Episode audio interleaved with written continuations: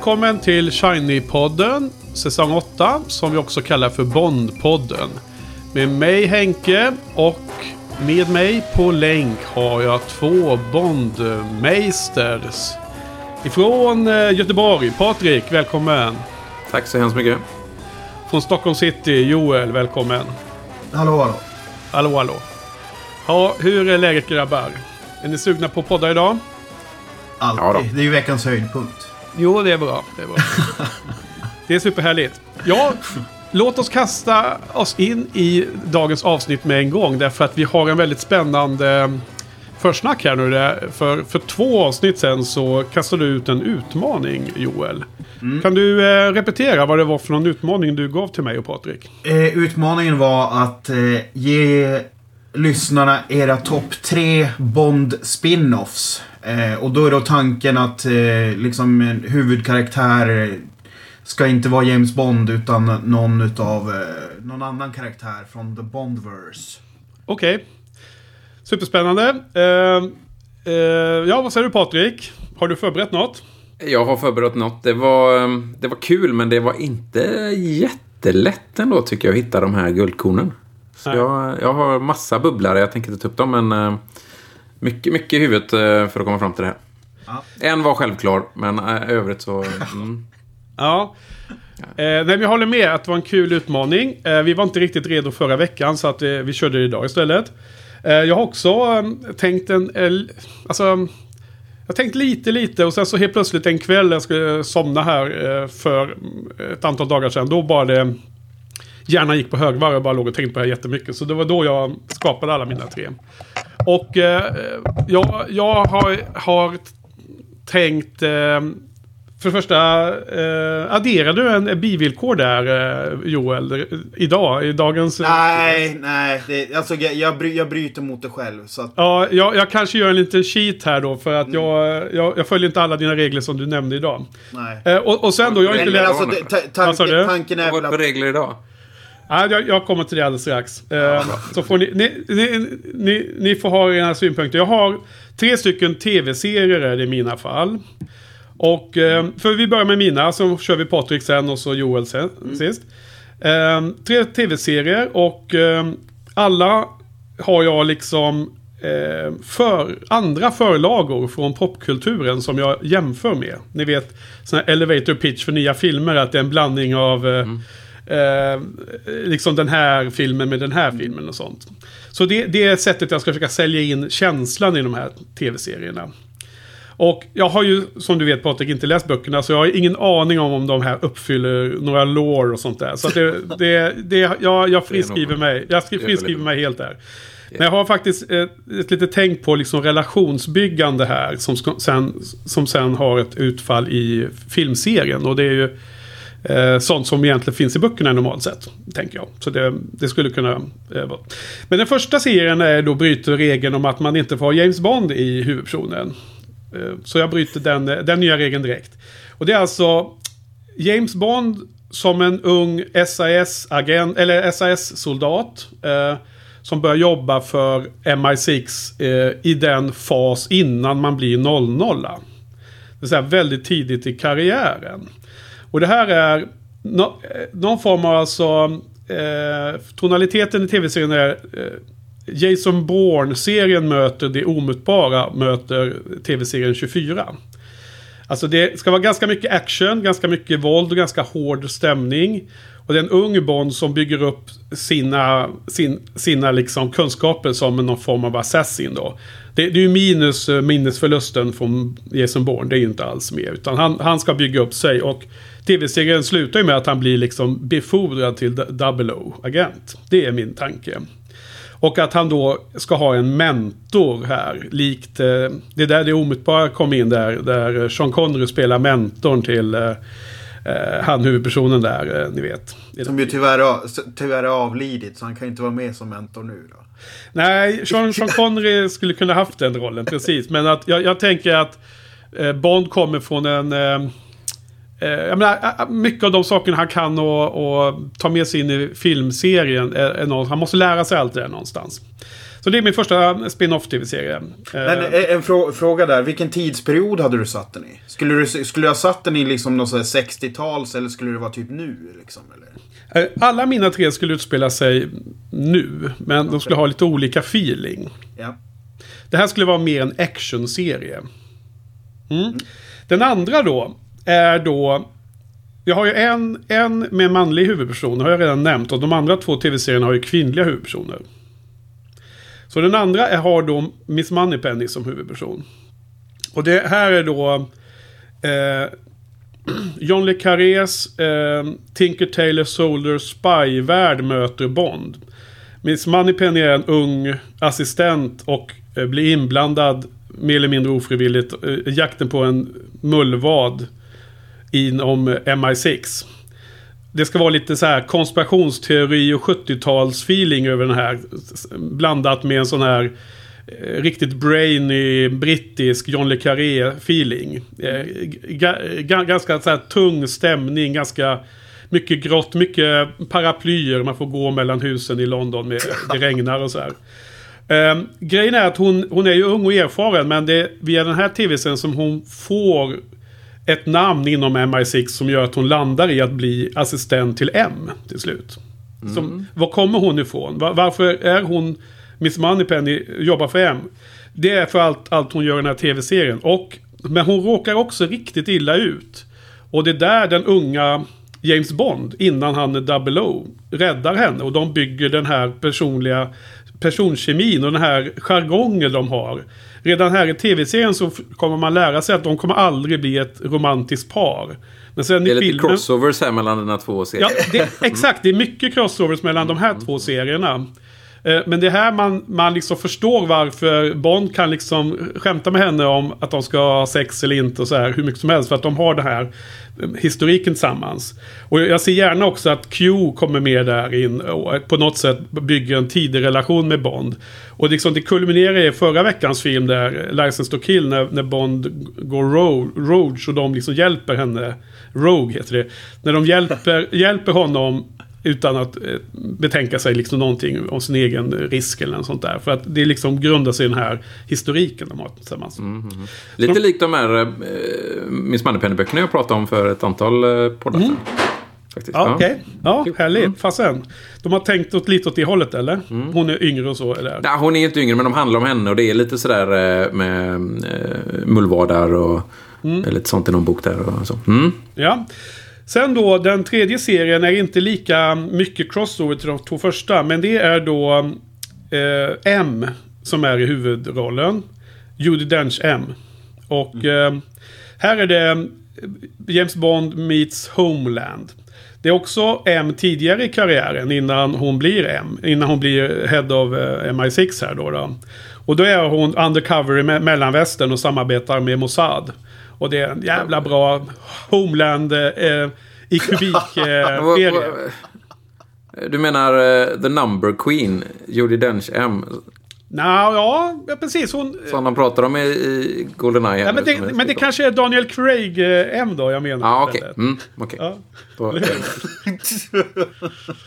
Ja men eh, ja, vad fasen har de hamnat i eh, The Numbers Queen? Det, det är en bra kommentar. Jag hade ju inte sett eh, den här filmen när jag låg och tänkte på det här för några dagar sedan. Jag såg ju filmen igår. Och, och Såg om så filmen. Ja, precis. Jag såg om, ja, ja, ja, ja, precis. Men jag hade liksom inte exakt den, eh, den Ja, aspekten i Jag huvudet i minnet då. Så att Nej, jag kör. Ja, för mig är M, Judi Dench M i alla filmer som, som en summa av, av alla hennes insatser där är ju otroligt bra karaktär och badass och allting. Och otroligt skön eh, känsla mellan henne och Bond. Oavsett om det är eh, Pierce eller Daniel som spelar tycker jag.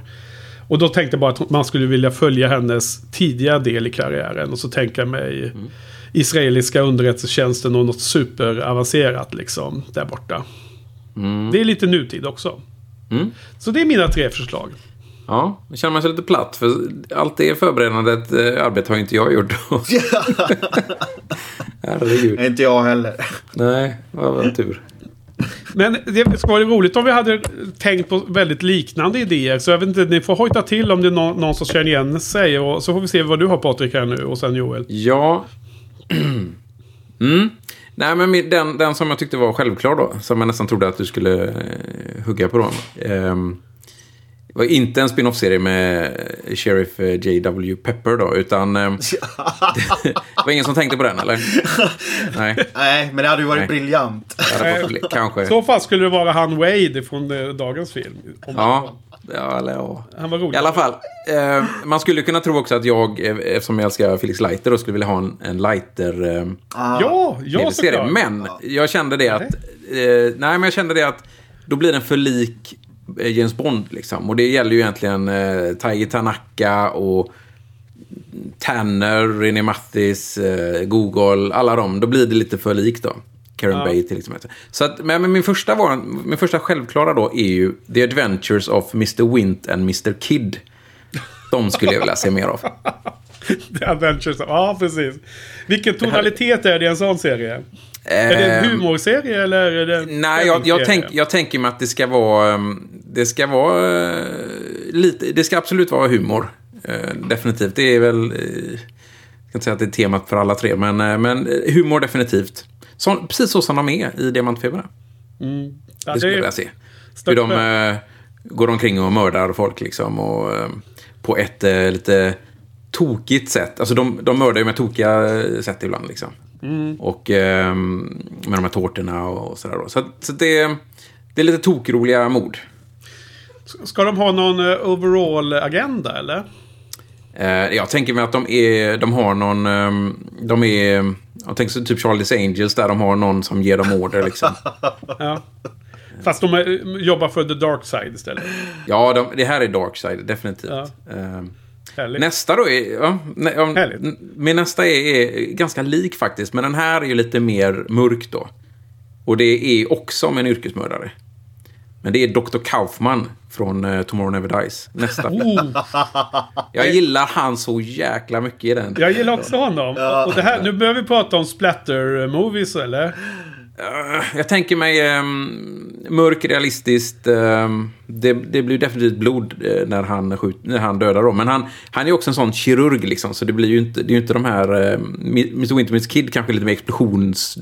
Dödar dem via explosioner ibland och så här. Utan han är mer en kirurgisk uh, yrkesmördare. Det kan bli, kan bli något. Men det är så att han, vet han Ro, E- Eli Roth gör såna här filmer va? Det är sånt. Ja, Eli Roth. ja. Är det en sån eh, regissör typ som ska göra eh, Dr. Kaufman-serien? Ja, jag Det- det- tänkte så långt. Eli Roth, jag gillar ju Eli Roth jättemycket, så varför inte? Eh, mm, kanske. Ja. Kanske. Jag- Vi får se efter jag har pitchat den här till Broccoli-familjen så får vi se hur de, eh, hur de ställer sig. Ja, precis. Eh, Vad Barbara jag möter med dem imorgon om det här. More blood! More blood! Barbara Broccoli kommer stå och skrika. Eh, tredje tredje tv-serien. Alltså jag hade så mycket bubblare så att det- det har gått lite upp och ner. Så här. Man skulle kanske kunna göra en jättekomisk eh, med detektiv Aubergine till exempel. Någon sån här eh, Rosa Pantern-aktigt. Och, ja, jag hade massa, massa olika idéer. Men jag tror den jag fastnar för är nog eh, en tv-serie om eh, Octopussy. Jag skulle vilja se hon eh, komma till att bli huvudkvinna av den här Octopussy-organisationen och sen eh, vad de gör. Det hade varit Ah. intressant. Ehm, James Bond meets Modesty Blaze. Ehm, ja, det hade nog blivit lite Modesty Blaze över det, ja. Mm, Ta, ta sig upp, eh, kriminell organisation liksom. Precis. Men med ändå hjärtat på rätt ställe och sådär. Ja, men precis. Och så ja, tar de sin organisation av i princip bara kvinnliga cirkusakter. Ja. Med lite akrobatiskt sånt. Ja, så det är nog min, eh, min topp tre. Ja, den hade jag också gillat. eh, Men, men vi slipper väl Maud Adams i alla fall i huvudrollen. Det måste vara någon bättre. Det måste vara... Ja, vi kan väl bara säga att det kommer ju ändå bli en yngre, så jag vill slippa den.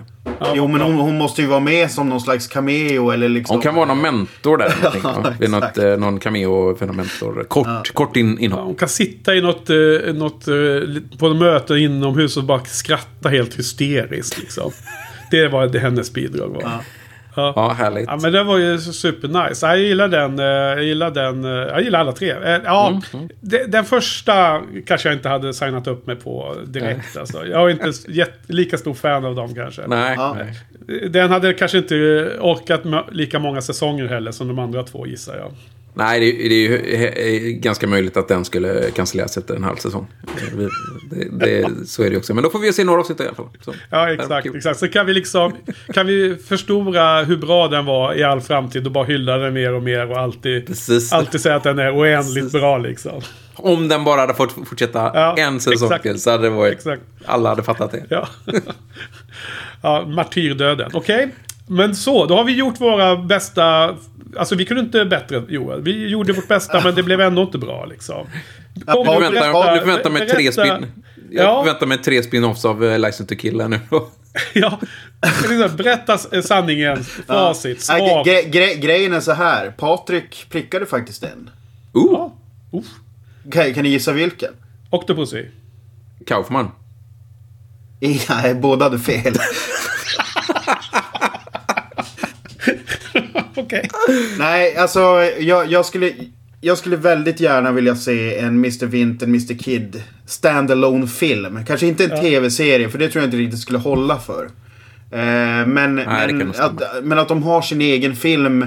För jag gillade när ni pratade om dem, att det här hur man fick, hur man fick, fick, följa diamantsmugglingen via dem. Alltså det blev Mm. liksom en halva av filmen. eh. Ja, och, och i den delen i sig har jag aldrig tänkt på på det sättet annat än att jag har gillat dem väldigt mycket. Så jag tyckte att det blev en väldigt cool grej. Eh, så jag tror att man skulle kunna göra en, en film. Sen är det ju synd. För mycket bygger ju på de två skådespelarna. skulle ju krävas en vä- väldigt avancerad casting för att hitta liksom de som eh, skulle göra dem nu liksom.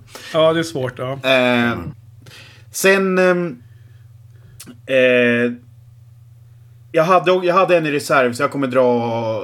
Nej, den är för dålig. Jag skiter i den. Eh, för jag, jag trodde... Jag, trodde jag, jag tänkte att det kanske blir någon, någon dubblett. Men eh, min andra är ju då en Anja Amasova prequel. Mm. Eh, Amazova, just det, vilken är det nu? Älskade spion. Ja, ja, ja. Precis. Triple X. Triple X. Ja, exakt. Eh, och där, den filmen eh, skulle då vara liksom... Att man får se henne träffa sin, eh, sin älskare. Den som Bond dödar i... Eh, Boris. Mm. Precis.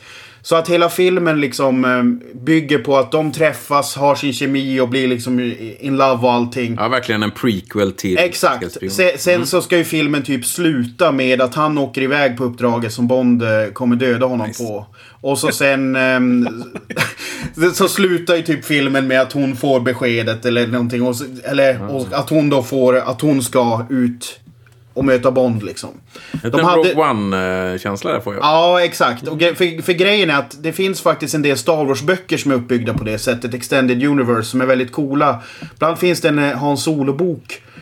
Som handlar om helt andra grejer. Men där slutscenen är att han går in i kantinan eh, på Tatooine och ska träffa eh, Luke och Obi-Wan liksom. Så att de är verkligen... Ja, ja, ja. Alltså en Han Solo-film, eh, det, det låter ju som en eh, världens bästa film. Ja. Eller hur? Eller Om, att om, om man gör en bra Han Solo-film spe- speciellt så blir det ju bra. Exakt. Ja. Eh, Ty, sen- Tyvärr är det väl då bara att den, eh, hon, den blir undercut av, av eh, andra halvan av Älskar spion. Där hon, hennes hämndbegär helt plötsligt bara försvinner. Ja, alltså, pre- precis. som... Det- som eh, De får göra om Ja. Älskade spion också då, med samma Ja. skådisar. ja, precis. Exakt. Ja, exakt. För även där kanske man vill ha någon annan än Barbara Bush då. Som eh, var lite Ja, mer... kanske lite för gammal. Lite då. mer Charlie Th- Theron Balls liksom. Ja. En sån. Nej, nej, men, nej men eh, Henke, jag håller ju absolut med. Den här filmen är ju, är ju bra fram till slutet på Älskade spion. Liksom. Eh, så att det, det, det faller ju lite där. Men, men jag gillade själva idén av att få se hennes perspektiv och allt det där. Mm, verkligen. Sen min obestridliga etta. Och den... Om jag ska vara helt ärlig så är det den här idén som fick mig att tänka på Bond spin-offs överhuvudtaget. Ja, Det, Och, det finns, eh, får jag gissa? Ja, Pam Bouvier. ja du har faktiskt rätt. Ja, det är klart jag har rätt. ja. Jag visste det. Ja. Eh, Jag, jag halvbryter ju mot min, jag halvbryter mot min egen regel. Eh, Där, alltså, för Ja- James Bond är med, men han är ju inte ensam huvudperson. Utan upplägget här är... Tänk er Magnum P.I. Eh, med tv-serie med Tom Selleck. Mm. Fast man har upplägget att Pam Bouvier, James Bond och Q löser liksom weekly, weekly eh, grejer. Alltså det är en tv-serie liksom. ja. Coolt. Eh, och menar du att The Bond är fortfarande... Han är inte anställd av MI6 då? Han, är, han har gått till Rogue? Ja, precis. Att de tre har sin egen business liksom. Ah, okej. Okay. Ja. Mm. Okej, okay. men Bond ja. skulle ändå vara halva... Skulle vara liksom som ja, eh, alltså, Turner absolut, Hoops liksom. Absolut. Och, alltså, alltså, jag skulle ju... De är en trio. Ja. Precis. Okej, okay, men jag tänkte att Q kanske mest var i kontoret och, och, och hjälpte dem från kontoret liksom. Jo, jo, jo precis, precis, precis. Men det är ju liksom Q, hela den... Q ändå Higgins liksom. Den, den, exakt, den heliga treenigheten. Sen är det såklart att det, det givna, alltså jag tar ju vilken Pam Bouvier spin-off eh, vilken dag som helst. Hon kan få en egen tv-serie eller vad som. Eh, jag, hade, jag, hade, jag hade gärna sett en spin-off med henne nu. Alltså så som hon är Även nu. Carrie Lowell. Ja. Carrie Lowell. Mm. Ja. Mm. Ja, ja. Och där, där, bygger det på att det är samma skådis, inte att man får byta ut skådisen. Nej, alltså det, det är ju det som är... Alltså jag har ju... Jag har valt mycket på grund... Eh, egentligen den enda som jag bygger på att historien skulle vara intressantare, det är ju, det är ju den här um, Anja Amasova prequel. Där, där är det ju naturligtvis att det hade varit intressantare med andra skådisar. Medan de här andra två, där har jag svårt att se andra göra de rollerna. Så att där har jag lite... Det är samma de, problem för mig. Absolut. Ja, så de, de är lite svåra att liksom um, göra nu. Därför att Alltså den här um, Magnum PI-grejen med Q och Timothy Dalton och Carrie Lowell. Det bygger ju i stort sett enbart på deras kemi liksom. Mm. Eh, och Dalton med en sån eh, Magnum-mustasch också. ja, exakt. Precis. Eh, nej men det var, det var mina tre. Ja, super. Suveränt. Kul. Ja. Ha, um, Okej, okay, ja, men nice. Uh, och då måste, vi, då måste vi ställa frågan till Patrik. Varför har inte det här hänt? Ja. Uh, då kan jag ju svara att de har ju faktiskt gjort försök. Okay. Uh, eh, faktum är att det är ganska bra att vi är just nu mellan License to Kill och Goldeneye. För i det här glappet så kom det faktiskt ut en spin-off tv-serie. De gjorde en tecknad tv-serie. Barntecknad serie. Eh, James Bond Jr. 66 avsnitt, eller 65 avsnitt eller någonting, så 22 minuters. Eh, jag kan säga så här, inte ens jag har sett den här. eh, då förstår ni. Eh, men du har, du, du har sett ett antal i alla fall, gissar jag, av dem? Nej, jag har sett lite grann har jag gjort. Men, men grejen var att jag faktiskt försökt få tag i den eh, på den här tiden när den kom och även typ tio år efter och så här, Men det fanns liksom inte. Jag har inte hittat den. Nu kanske den finns, men, men då fanns den inte. Den sändes inte vad jag vet på någonting jag kunde komma åt. Och Fanns inte på DVD eller VHS då så på den tiden. Nej, men äh, finns den inte i sjön nu då? Uh, jag tror att, jag får mig jag googlade den för ett tag sedan och hittade alla avsnitten på YouTube. Uh, faktiskt. Men jag har inte haft tid att kolla på dem. Och jag känner mig inte lika inte lika så eh, taggad. Kom igen nu, det ska vara, ska vara allt i Ja, alltså det kommer ju, det kommer sluta att jag ser den. Det, det vet ja. jag. Men då är det liksom en ung James Bond och en ung eh, Q och en ung eh, Felix Leiter och en ung eh, Jaws och liksom. Ja. Det är sån här eh, barn, verkligen barnfilm då. Eh, så de gjorde ju det eh, faktiskt. I två säsonger var det väl. 60, 65 avsnitt. Eh, men sen efter Die Another Day så hade de väldigt långtgående planer att göra en Jinx-film. Halle Berrys okay. karaktär där. Ja. manuset, alltså det var, det var väldigt nära att den skulle komma. men till slut så jag tror det var Ja, men det har jag nog hört någonting om. Ja, jag tror MGM eh, sa till till slut att nej, nu, nu skiter vi det liksom. Jag tror den skulle ha premiär typ 2004. Det, var, det, det mesta var klart liksom. Ja. ja, den har jag faktiskt hört om i alla fall. Men det, mm. det, är väl, det är väl för att hon har så bra track record med spin-offs. Vad har, ja, vad har de? X-Men har de varit med om i alla fall. De blev inte bra. Ja, men den, den, den är ju bra. Men Cat, Catwoman, Catwoman eller vad var det? Ja. Ja, den var ju hysteriskt dålig. Ah, fy fasen ja. alltså. Okay. Um, ehm, men jag tror, eh, om man, om man nu ska gå tillbaka till frågan varför de inte har den. Jag tror att spin-offs har ju inte varit eh, något jätte... Det har inte alltid funkat så bra. Det är först när Marvel har kommit ut som det, som det har blivit något. Och det är ju egentligen bara för att de har, de har tänkt den hela historien innan de börjar så att säga. Ja. Ehm, och, och jo, men ju... precis. Fast nu har de ju ändå haft eh, liksom tio år på sig sedan Marvel började med det här. Så jag tycker fortfarande att det är jättekonstigt att de inte har gett sig på Nej, det. Liksom. det är helt rätt. Men sen har det inte kommit ut speciellt många filmer på de tio åren. Alltså... Bondfilmer menar Bondfilmer då ja. Nej, precis. Och det är först de sista filmerna som... För, riktigt- för Marvel har det kommit en hel del. Ja, Marvel. De senaste 12 åren. Absolut. Men menar, för, det har ju bara kommit två Bondfilmer de senaste 12 åren. Liksom. Ab- Eh, absolut. Men, så det är möjligt att, att... Det är möjligt. Jag har inte hört något om det. Det här har varit. Alltså grejen är så här, jag, jag, jag får känslan att de... ehm, Att de nästan har haft sån här, vad ska man säga, writers anxiety kring Craig-bondarna. För det tar ju sån jävla lång tid. Alltså jag, naturligtvis, produktionsförutsättningar är förändrade. Men det, det känns nästan som att de har någon sån här grej att de... ehm, Eh, ja, du, du kommer ju säkert upplysa oss mer när vi kommer till Craigarna. Eh, men men jag, jag, får, jag får en känsla av att de liksom skiter ut dem väldigt långsamt. Och då kan jag känna så här att om, om man sitter på rätt... Det här kanske är en rättighetsgrej i och för sig. Eh, slog mig nu. Men om man sitter på rättigheterna till så här många karaktärer. Så är det så här bara, ja, men varför inte göra en, en årlig Bond-spin-off som är liksom en standalone film som inte ens behöver vara kopplad till Daniel Craig liksom. Eh, sen, sen kan man ju göra det som en Cinematic Universe-grej också, där allting hänger ihop. Men det kräver ju sitt arbete på ett annat sätt. Jo, och samt, ja, eh, jag måste bara eh, tänka att alltså, det, är- det är nog inte så himla lätt att göra det här Joel. Alltså, och jag vet inte vad du tycker Patrik, men det, det är liksom... Man ser ju DC försöker göra samma som Marvel. Man såg att Universal försökte göra samma som Marvel med sina monsterkaraktärer. Mumin- och liksom... Ja, det, och det, är ju inte många det- som har lyckats. Eh, Nej, och... Även Star Wars har ju haft problem. Ja, Ke- vad heter hon nu då? Kathleen Kennedy va? Som är liksom Kevin Feige-personen fast på Star Wars. Och de började trycka ut de här filmerna så gick de bara sämre och sämre kändes Mm, Fast det hon är, som. ju, hon är ju ruskigt inkompetent. Ja, kanske Jo, det gäller att hitta den rätta personen så. Men, Ja. Eh, Men, men men det, det jag ska komma till att eh, då säger de så här, nej men nu blir det för många. Det- Vi har liksom eh, gjort för många filmer för den här marknaden klarar inte av det. Ja, den är ju jättekonstig. Medan de gjorde mycket färre än Marvel ändå. Så att det var ju inte det som var skälet, utan det var ju kvaliteten.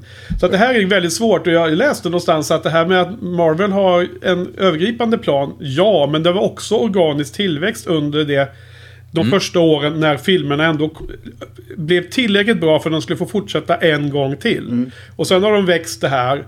Och hur det har skett och givet att det var mellan 2008 och 2020 de här förutsättningarna kanske aldrig mer kommer finnas. Det kanske aldrig mer kan göras den här grejen som Marvel gjorde. Så att det är inte självklart att man bara säger ja men här har vi en Nej, nej, nej. Absolut. serie. Det- nu, gör vi, nu tar vi alla liksom bikaraktärer och gör dem till huvudpersoner Precis, alltså nu, nu, nu snackar vi också om, om eh, jag menar film överlag kommer ju se väldigt annorlunda ut framöver. Eh, med de nyheter som vi har fått bara med alltså vad covid gör just nu. Men jag, jag, jag tycker fortfarande att det känns nu kanske det här hänger ihop med att jag inte är ett stort fan av Craig-filmerna. Men jag, jag tycker att det är lite konstigt att i den, i den eran som, som de nu har varit igång i och när man har kunnat snegla på vad Marvel och Star Wars har gjort. Att man, att man inte ens liksom kom, har kommit till skott med någon variant på det som är... För, för att liksom... Det finns ju, finns ju många karaktärer som man skulle kunna göra liksom sin Nolan-version av. Liksom så här Goldfinger eller liksom... eh, Ja, nej, men jag, ja, jag tycker absolut det är jäkligt intressant spaning alltså, och frågeställning. Mm.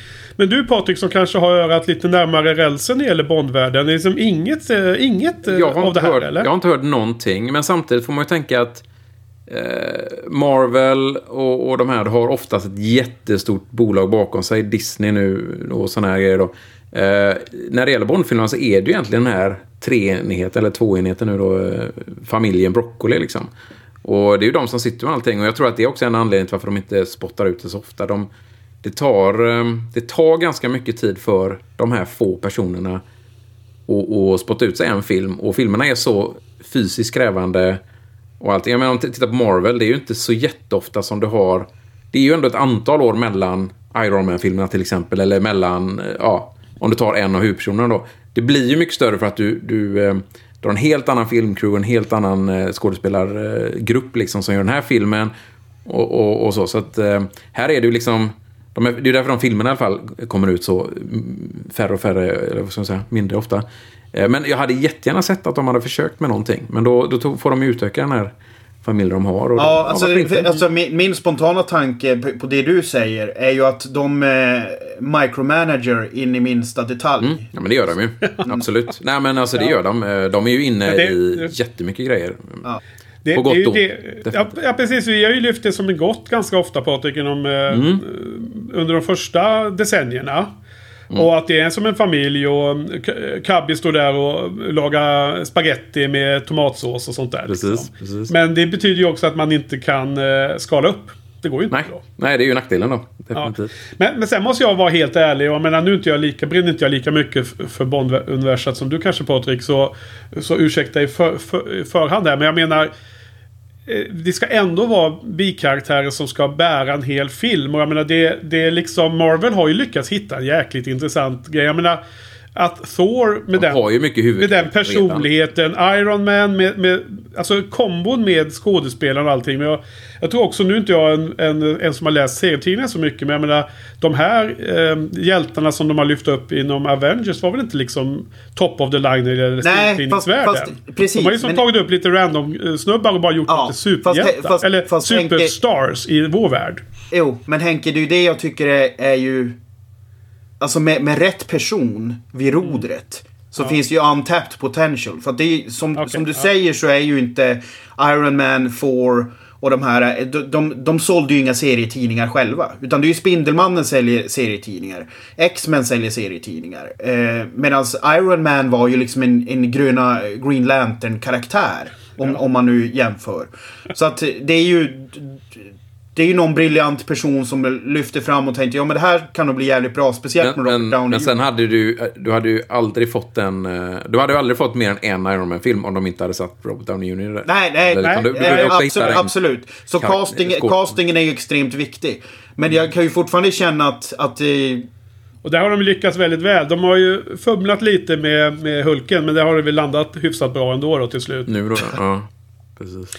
Okej, men jättespännande Mm. eh, eh, diskussion. Och det här gav ju, eh, gav ju frö till en, en lång och intressant försnack här runt eh, spin-offs och så. Men eh, ska Mm. vi börja gå in på dagens film också lite eller? yes. I'm Defense Minister Dmitry Mishkin. So, by what means shall we execute you, Commander Bond? What, no small talk? No chit chat? That's the trouble with the world today. No one takes the time to do a really sinister interrogation anymore. It's a lost art. Your sense of humor doesn't slay me, Commander. I'm sorry. Where is the Golden Eye? I assumed you had it. I have an English spy, a Severnaya programmer, and the helicopter they stole. Or at least that's what some traitor in your government wanted it to Who is look behind like. your attack on Severnaya? Who had the authorization codes? Russia may have changed, but the penalty for terrorism is still death, And Mr. what's the Bond. penalty for treason? Oh, stop it, both of you! Stop it! You're like boys with toys.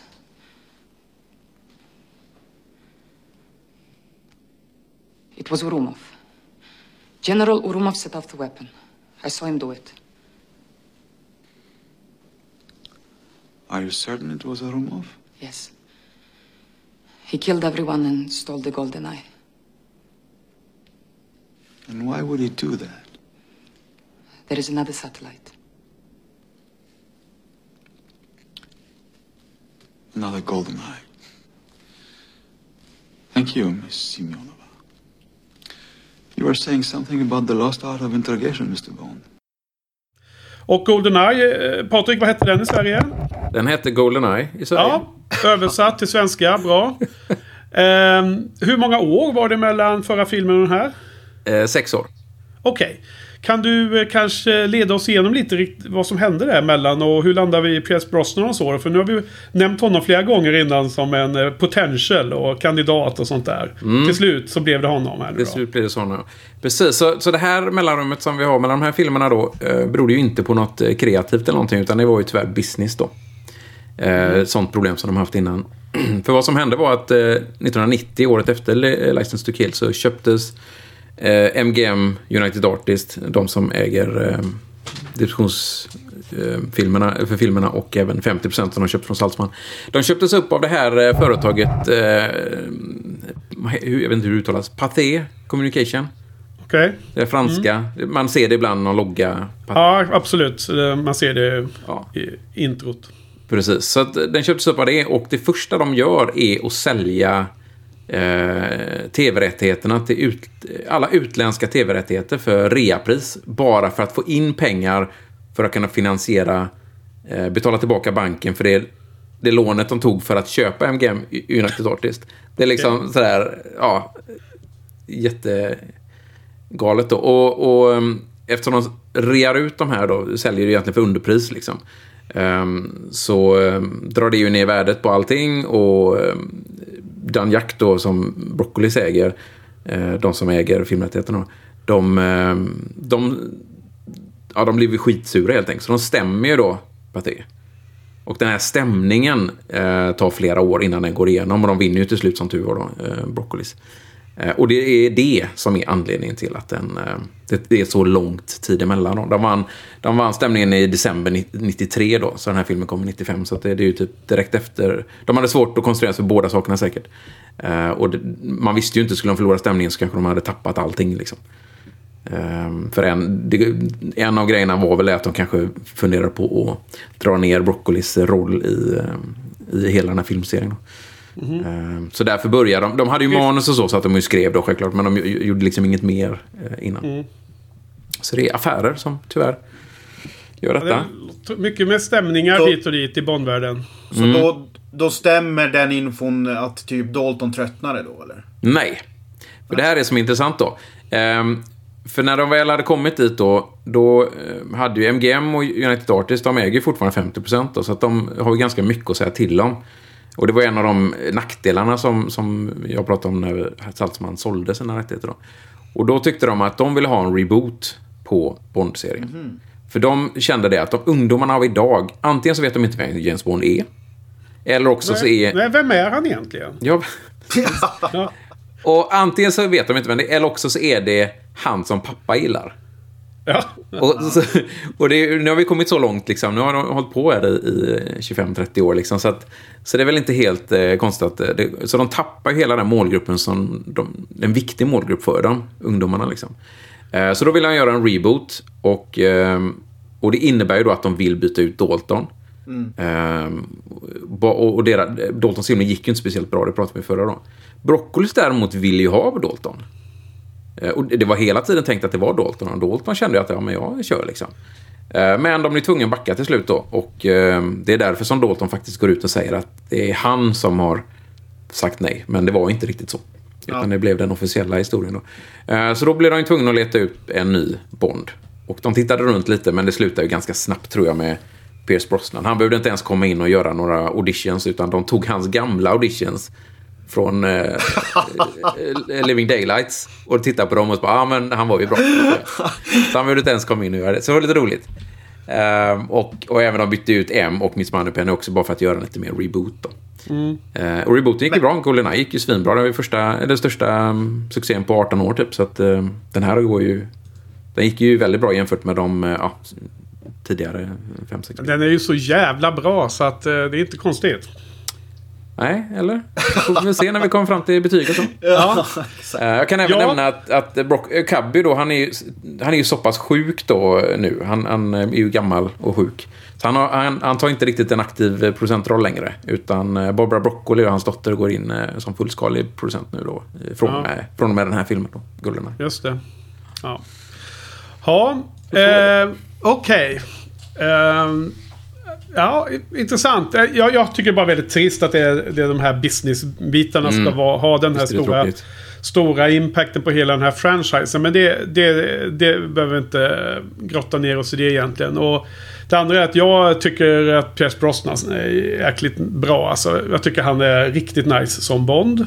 Så jag, jag eh, har ju värmts upp eh, till Dalton jättemycket genom de här två senaste poddningarna om, med Daltons filmer med er två. När vi har pratat om Daltons um, plus på han. Men jag måste säga att jag tycker Pierce Brosnan är jäkligt bra som en modern Bond. Och det jag gillar är att han... Uh, och det levereras i den här filmen. Sen så vågar jag inte lova att det hänger kvar i alla fyra. För att jag måste se om dem här nu. För att spana på det. Men jag tycker i den här filmen så är han... Han spelar liksom en slags eh, mörker. Att han är liksom less på allt. Han är mer eller mindre skitig om han typ dör. Och han, han, han liksom är en... Eh, han, han, är liksom nästan sarkastisk och så här i allt vad han gör. Han har liksom, jag jag älskar ju allt det du säger nu eh, med ja. Bond. Men var hittar du det i den här filmen? Jag tycker att det syns ganska mycket på att, eh, jag menar, dels den här via den väldigt bra scenen med M på hennes kontor när hon dricker whisky. Mm. Med, på, med is och hon... eh, sätter upp hans eh, state of mind genom att säga att han, han inte bara ska kasta bort sitt liv. Och eh, jag tycker att det framkommer i flera små scener. Jag menar, det är det som leder fram till en... Om, om scenen med M är en av filmens bästa scener karaktärsmässigt så är ju scenen på stranden med eh, Isabella Scorupco mot slutet en av filmens sämsta scener som drar ner tempo totalt tycker jag. Men där Och den, hon- den, den filmar de i efterhand för att stoppa in för att få mer karaktärsutveckling. Ja, alltså det är ju karaktärsutveckling. Men den är det, dålig. Men det förstör hela tempot och allting och jag tycker den är bara dålig. Men, men i den scenen som ändå finns så är det samma typ av karaktärsdrag som lyfts upp. Att hon liksom tycker att han bara är eh, skiter i allt och så vidare. Och, och jag tycker att han liksom... Eh, Vä, vä, vä, vänta bara. Alltså ska Ja. vi klämma in mission brief? Det känns som att vi redan är inne på, på Ja. filmen. Nej men eh, precis, vi pratar om Brosnan nu. Men eh, vi, kan, vi kan ta ett steg tillbaks. Eh, så får vi återkomma till Brosnan då. Ska du dra lite Ja. mi- mission brief idag Yes. eh, Joel? Har vi, eh, har vi sagt. Så eh, shoot. shoot. Men annars blir det väl uppror i kommentarsfälten. Ja, jag vet Eller? inte jag, men eh, vi kunde ju prata om Brosnan före filmhandlingen. Men Jo, kör. men det känns ju som att vi går ju in i handlingen rätt mycket. Mm. Så att, eh, ja, men eh, precis. Då, då börjar vi då med eh, introscenen där, eh, där James Bond och 006 vad heter det, ska utföra ett uppdrag tillsammans. Eh, där det då slutar med att... Eh, vad är det som är så roligt? Är det att jag sitter och adlibbar eller? Nej, nej, att- nej. Ja, att du Det- det liknar du ska väldigt få, få, mycket få in det här på två Henkes. meningar nu. Det liknar Jaha. väldigt mycket Henkes... Eh, Okej. Extremt långa, extremt röriga eh, beskrivning av hela handlingen, hela filmen. Okej. men det blir nog bättre Henke. Det var, Kör det igång var, det, det, var det felet jag gjorde. Eh, så att själva uppdraget eh, vet man inte riktigt vad det handlar om. Det handlar om att eh, liksom spränga någon bas där. Eh, och det slutar då med att 006 dör. Han blir avrättad av en rysk general. Eh, sen i sekvensen efteråt så stjäl eh, Famke Onatop en, en helikopter som är väldigt viktig för handlingen. Eh, jag vet inte. Det känns som att det här skulle vara extremt kortfattat. Jag vet inte hur man ska få, få ihop det. Men... Okej, nu, nu, nu ska vi låta Patrik göra mission brief. Ja, får du göra ett nytt försök sen Joel. Ja. Mm. Eh, jag skippar ju helt en del här bara för att den reveal sen då. En ny europeisk helikopter stjäls mitt framför ögonen på Bond. När denna senare används för att eh, komma över en topphemlig rysk satellit, Goldeneye, får Bond i uppdrag att undersöka organisationen bakom stölderna och stoppa dem.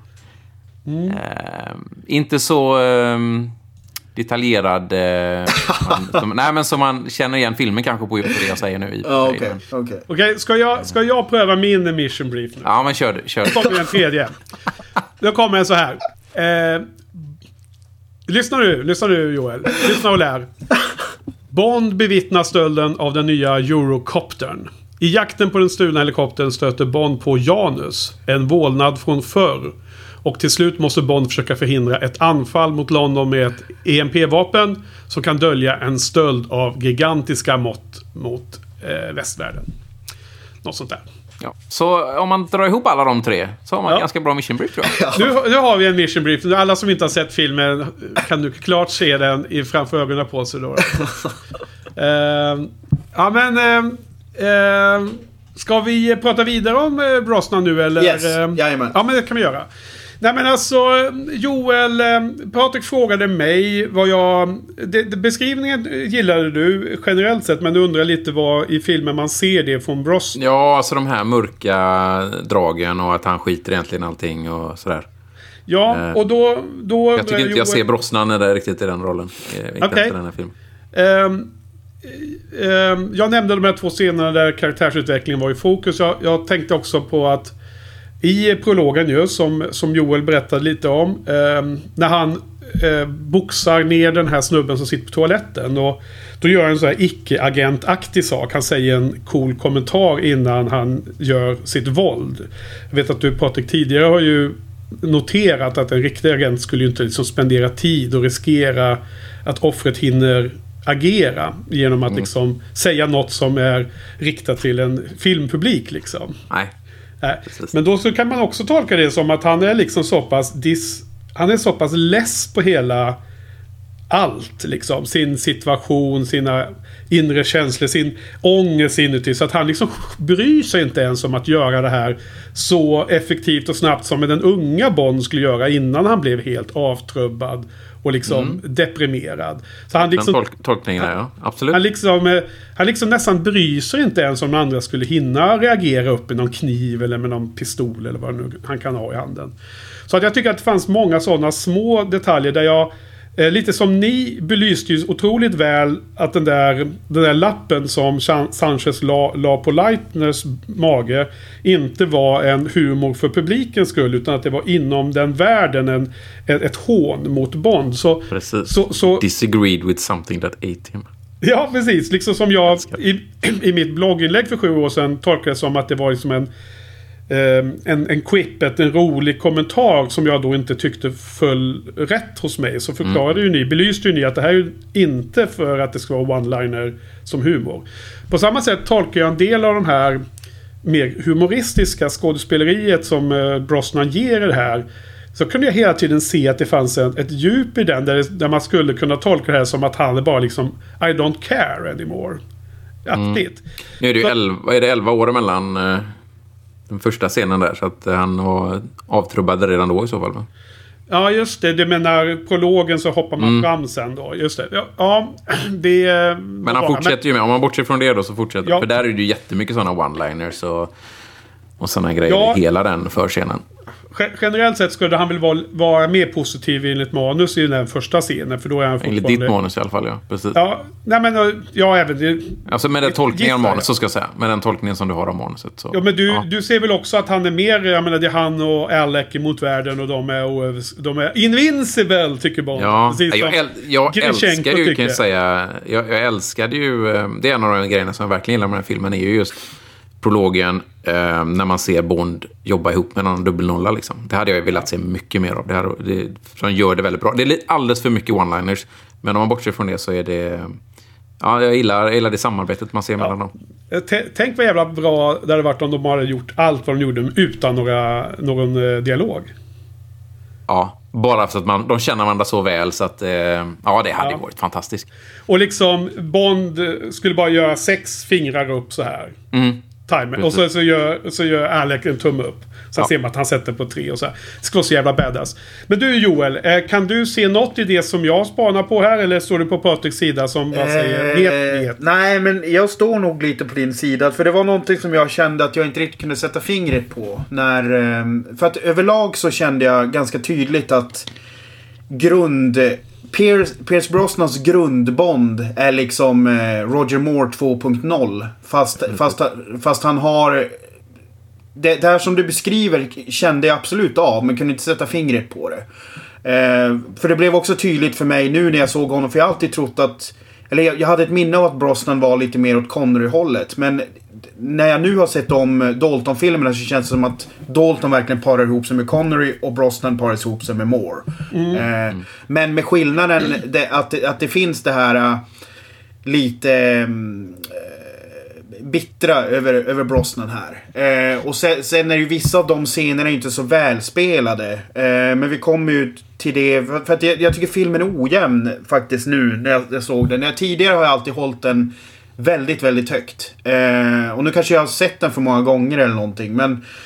ehm, jag, var, jag, jag, jag gillar Brosnan men han, eh, han är fortfarande ingen Dalton. för Nej. mig. Alltså det, är- jag connectar så Nej. jävla mycket med Dalton liksom. Ja men det är ju fine. Och, men jag vill, så, jag vill eh, kommentera här att jag precis som, som, eh, som, ni, som du säger och som du nickar till eh, Patrik. Alltid kopplat Brosnan till mer en, en eh, modernare ver, ver, version av Moores tagning av Bond. Men när jag såg filmen den här gången så upptäckte jag något nytt. Och det var därför jag kastade in brasklappen här tidigare. Att jag har inte sett alla hans fyra nu då. Jag, jag, jag vill spana på det här. Men, Aj, men jag, var- jag, var, jag var påverkad av er, er analys av tonaliteten och vem står för humorn och, och vad är humorn i filmen. Och därmed blev jag mer fokuserad på hans insats liksom. Just för att jag, jag tänkte, jag gick in i den här rewatchen av Goldeneye med tanken att Press Brosnan är ju liksom one-liners och han ska rätta till slipsen och. Och det gör han ju både i, i, med, med den här, när han kör tanks. Han, jag tror han gör samma sak när han åker en jävla båt under vattenytan sen. I en Ja, annan film. eh, När han är i, i Themsen liksom. Så att det är det är ju de här liksom helt riktat till publiken. Tar en potentiellt sett ut ur agent, actionfilm, thriller feeling som man kan ha. Så det är väldigt intressant. Men jag, jag tyckte att jag tyckte att han var... Det är liksom... Det, det, det, den tonaliteten sattes exakt i den här scenen med M. Det var därifrån jag, jag fick den, den vibben. Liksom. Mm. Ja, men det vet du bra. Jag Ja. känner det. Ska jag Ehm. spana efter det också sen. Men, men vad tycker ni eh, allmänt då om filmen? Eh, Om vi bara tar en eh, runda runt bordet generellt sett. Vad tycker du Patrik? Vad, vad har vi på Goldeneye? Vilken Ehm, jag tycker tonaliteten ändrar sig ju drastiskt från Daltons. Alltså om man tittar på filmmässigt då. Eh, sen blir det ju en lite skillnad att det är ju sex år mellan filmerna. Så man, det var nog inte jättemycket som man tänkte på det kanske när man såg den på bio då. Eller när folk såg den på bio. Men när man ser den en vecka emellan så, så märker man det mycket mer tydligare då. Kan du exemplifiera? Vad, vad menar du? Att den är liksom... Nice Ja, men Dalton är ju något sätt, mycket, mycket, vi pratar eh, om mycket, mycket mer gritty och mycket mer, eh, mycket hårdare Bond. Eh, än vad Brosnan har liksom. Det är ju inte de här one-liners överallt och sådana saker. Jag tycker det är mycket lättare stämning. Nu har ni ju sett en, en mörkare ton då, men jag, jag ser den här som en väldigt glättig eh, och speciellt Brosnan då. Eh, väldigt eh, lättsam Bond. Och han är mer... Ja. Eh, han är mer uppklädd, precis som Moore. Medan Ja, var gärna. Ja. Dalton är mer eh, klädd för eh, vad han ska göra, så att säga. Eh, så jag tycker tonen är, är stor skillnad. Men Jag, jag, jag vill... eh, Nu kommer jag på några fler exempel så jag vill bara testa dem på, dem, på dig Patrik. Mm. Eh, Det är liksom för, för diskussionens skull här liksom. Ja. Eh, Sen ska du fortsätta att eh, sammanfatta vad du tycker om filmen. Men jag tänker på att han också är ganska vårdslös med sin egen säkerhet, Brosnan. Eh, Han, han går till exempel in i... eh, Till han, den här Robbie Coltrane-figuren, Sukowski. Det går bara rakt in i lejonens kula och bara liksom tänker att jag snackar mig ut ur det här eller så blir jag skjuten.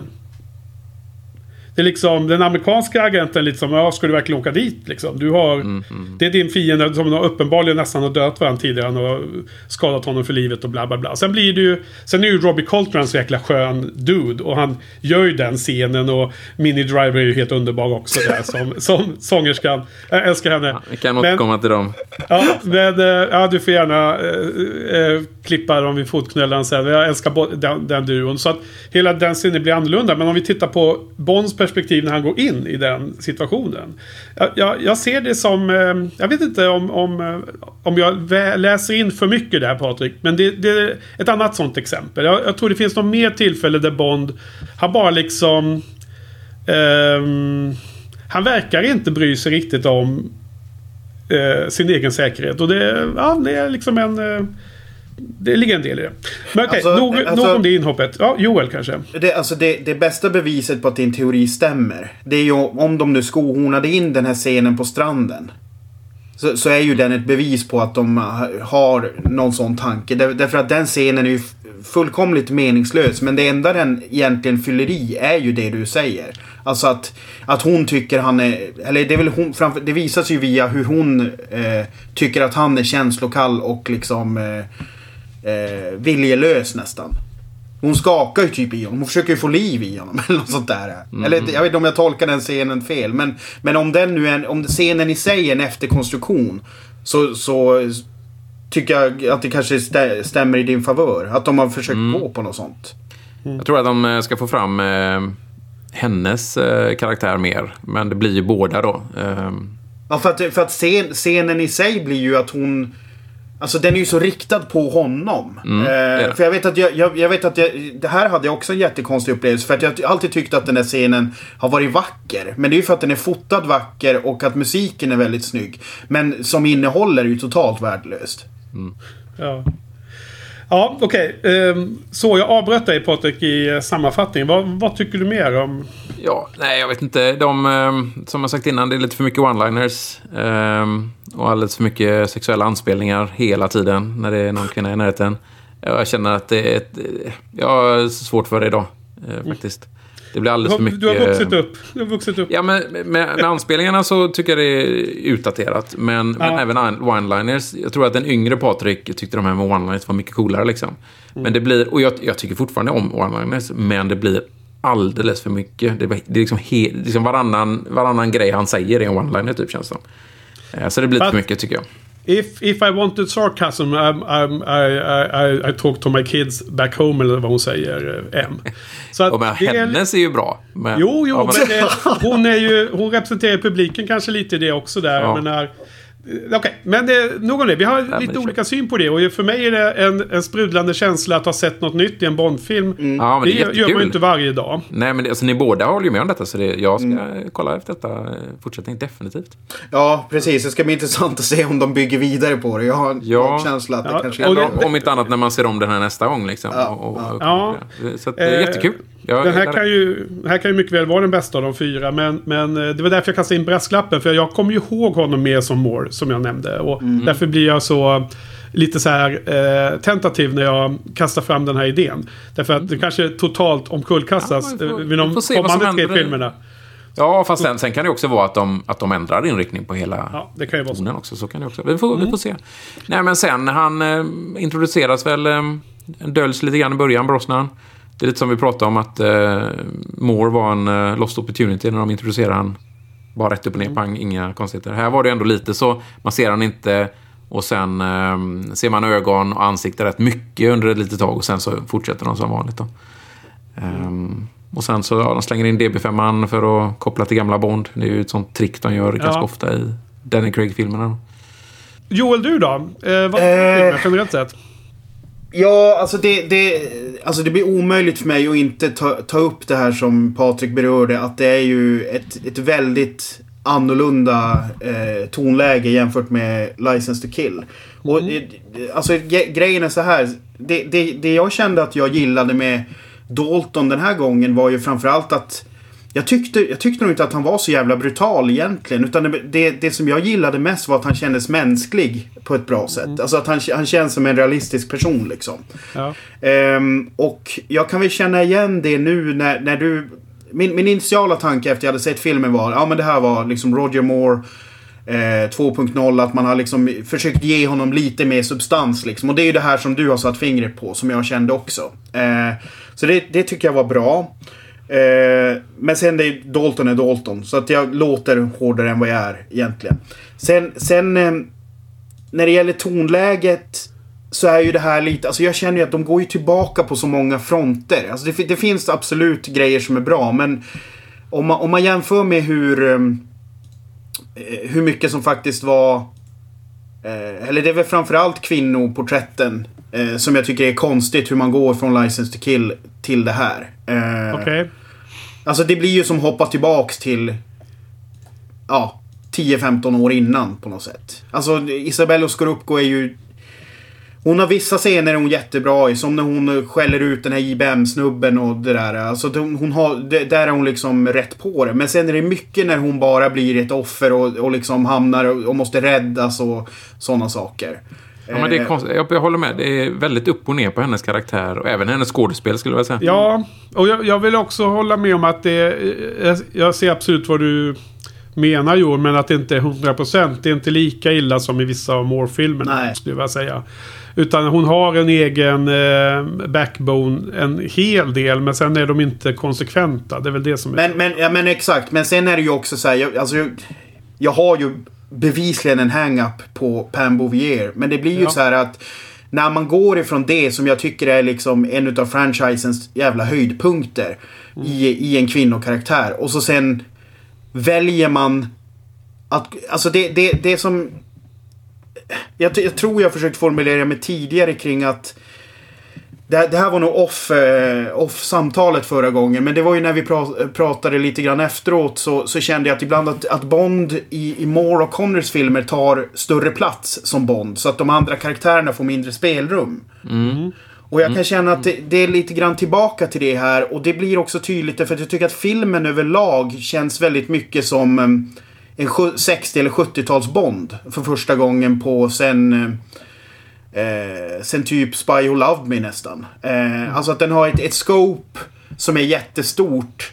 Utan att det blir för, svo, för storsvulstet och att det blir liksom eh, orimligt. Utan det här är liksom så här, den rimliga Roger Moore-filmen på något sätt. Men så, som det är fotat, så som det är fotat med de här extrema ut... Eh, eh, helbilderna och sånt där gör, att man verkligen känner bara wow, det här är liksom storslaget på ett sätt som jag kanske inte har känt sen jag såg typ Spy Who Loved Me eller någonting. Eh, Men är, att- är, det, är det här på plussidan eller minussidan? Ja, det, eh, nej, det, det är på plussidan absolut. Det är, väl, det är väl därför jag kom ihåg att när jag såg den här eh, ehm, så blev jag så här: wow, det här är ju en klassisk Bond fast ny typ. Eh, men jag, jag, jag börjar känna att jag, det, blir, det blir lite så här när, när, man, när de går tillbaka till någon slags formula så känns det som att ja men då får tjejerna ta baksätet och så blir de ehm, eh, Alltså det är som att de har så olika mallar. Vi har liksom så här. Här är vi Connery, Connery och Roger Moore-stuket. Då ska det vara på ett visst sätt. Eh, medans, men under Daltons tid experimenterar de lite och samma med Hennes Majestäts Hemliga Tjänst liksom. Eh, så att här känns det som att och det, det stärks ju lite av vad du sa Patrik om att de eh, ville göra en, en reboot. Eh, men istället för att göra liksom en, en nytänkande reboot, vilket ju Dalton-filmerna var. Så är det ju här snarare en reboot tillbaka till Connery och Moore. Eh, mer. Men eh, det är alltså... Överlag absolut en jättebra film. Men det finns... Alltså... Jag tycker inte den är lika stark som, som jag tyckte när jag såg den ursprungligen. Eh, Nej, det, det är intressant eh, det ni säger båda där. Och det är, ju väldigt tydligt att när vi analyserar filmerna som, man, som det blir nu när vi kör podden. Så, så kommer ju de här skillnaderna mellan skådespelarna fram tydligare i våra samtal. Liksom. Eh, när man bara ser filmerna på, si, på sin egen kammare och liksom bara, tycker, bara känner om filmen. Liksom man har några känslor. Då, då är det bara diffust. Liksom, att den här var mer eh, lite hårdare, den här var lite roligare, den här var lite sämre eller bättre. Liksom. Men nu när vi bryter ner det så framkommer ju liksom hur viktigt det är vilken, vem som är skådisen. Och att eh, jag gissar att det är både pers, person... Eh, energi som skådisen ger med sig in i skapande processer men också att de kanske rent faktiskt liksom påverkar hur sin karaktär blir då. Ja, för det, det sa väl du tidigare att Dalton hade gjort tror jag. Om det var Ja, Joel det- det känd- eller Patrik. Ja, det kändes som i behind the scenes att han, eh, han gav liksom sken av att han hade haft en del input. Mm. Jag, tror att, jag tror att alla Bond-skådespelare har väl nog haft en hel del att säga till om. Eh, Mer och mer, så att säga. Connor kanske inte lika mycket förrän i slutet. Då, men, eh, Dalton och Brosnan definitivt, tror jag. Ja, äh, men då... en kom- eh, då En kommentar bara om, om Ja. eh, Pem Bouvier och så går de till eh, Natalia här nu då. Det känns Ja. lite grann nästan som de har delat upp eh, Pam Bouvier i två karaktärer i den här filmen. En kvinnlig huvudroll eh, och sen den tuffa krigarkvinnan så att säga då i Senja Onnatopp. Eh, det kan ju vara svårt att ha samma karaktär i, all, i film efter film efter film om man säger så. En tuff agent eh, k- ja, eh, mot Pol. Men, men, men alltså jag ska ju inte... Jag ska ju inte alltså jag satt, när jag satt och såg den nu så kände jag ju när flygplanet kommer på Kuba. Alltså jag Mm. hade ju bara velat att Pam Bouvier kliver ur planet. Alltså jag bara satt och kände bara fan kunde... Ska vi låt, Det hade varit prata nice. lite mer om Pam Bouvier nu? Eh, låt oss falla tillbaka till detta nu. Nej, men alltså, eh, eh, okej, om bara en liten instick där om Ona Topp, Patrik, så ser jag henne mer i samma i samma fack som Dr. Kaufman som du nämnde tidigare i försnacket. Men så är det ju. Och, ehm, definitivt. Eller varför inte Fiona Volpe liksom. Ehm, absolut, visste hon det. Eh, det är, som sagt, de har ju några få karaktärer som är... Det är ju typ samma i varje film. De, de bara ändrar runt lite. Ibland är de skurkar, ibland, är de, eller ibland dör de i slutet, ibland blir de förälskade i barn i slutet. Eller är kvinna och man säger. Ja. Så det, det, är ju, det är ju liksom samma setup varenda film. eh, I, i, I stora drag. Eh, så är det ju. Men, men alltså... det, är inte, hon- det är inte så positivt när du, när du beskriver det så. Nej, men det är svårt. Det håller jag med om. Men det är svårt kanske att eh, Alltså- göra mer. Jag, jag tycker att grejen är ju så här. Nu, nu då när man, när man är inne i mallen att det är mer som Connery och Moore-filmerna. Då passar ju hon in. Men det blir ju, hon är ju... Hon är, Vilken är hon nu? Menar hon ja, eh, Ona Topp ja. ja. Ja. Alltså hon är ju liksom som en, någon slags... Eh, eh, ja, alltså tydlig eh, henchman. Och hen, hon, hennes USP är ju att hon har ihjäl folk eh, när hon ligger med dem och sådana där saker. Alltså det, det, Ja, hon, men, men det blir ju... squeezar ju ihjäl dem. Det är ju Ja, en väldigt viktig men- poäng med tanke precis. på hur hon själv dör. Mm. Ja, men... Eh, ja... jag vet inte. Jo, men du, du, du ser det Patrik. Ja, alltså de, Ja, det är ju... hon, det är hennes en, eh, lår som callback. squeezar ihjäl folk och sen Ja, på samma... men, men det blir ju li... Jag vet Ja. inte. jag tycker det var... Det, det, må det är vara bra, men fånigt. Det må vara fånigt, men det, det, det är så, så de har tänkt rimligen. ja. Mm, det tror jag. Men, men eh, så att, så att det blir alltså men i- jag kan inte hjälpa att känna att hon känns ju som en serietidningskaraktär på ett negativt Nej, sätt håller med. nu. Eh, Alltså, absolut. Och för övrigt så peka på dig under kamerans... Eh, under kameran förut, Patrik, när jag, när jag hänvisade till dig alldeles nyss. ja, eh, en liten, eh, liten anekdot från verkliga livet om Ona Topp. Eh, när jag i början av min karriär, några år in, jobbade som konsult så hamnade jag på eh, Tele2 Comvik. Och då hade ju de... Eh, ni ihåg att de gjorde jättemycket reklam för eh, Bond? Runt där någon era. Det här, vi, vi pratar om andra halvan 90-talet. Det tror jag. Eh, och då var det som internt på utvecklingsavdelningen där på mm, alla deras eh, ja, tekniska system bakom, behind the scenes. Alla projektnamn togs ju från Bondvärlden. Och eh, jag kom in som konsult och skulle då starta ett, ett ganska litet men ändå helt eget projekt. Så att jag då fick ju då möjlighet att eh, döpa det, det projektet till någonting. Så det blev ju projekt On a Top. Gud vad härligt. jag körde.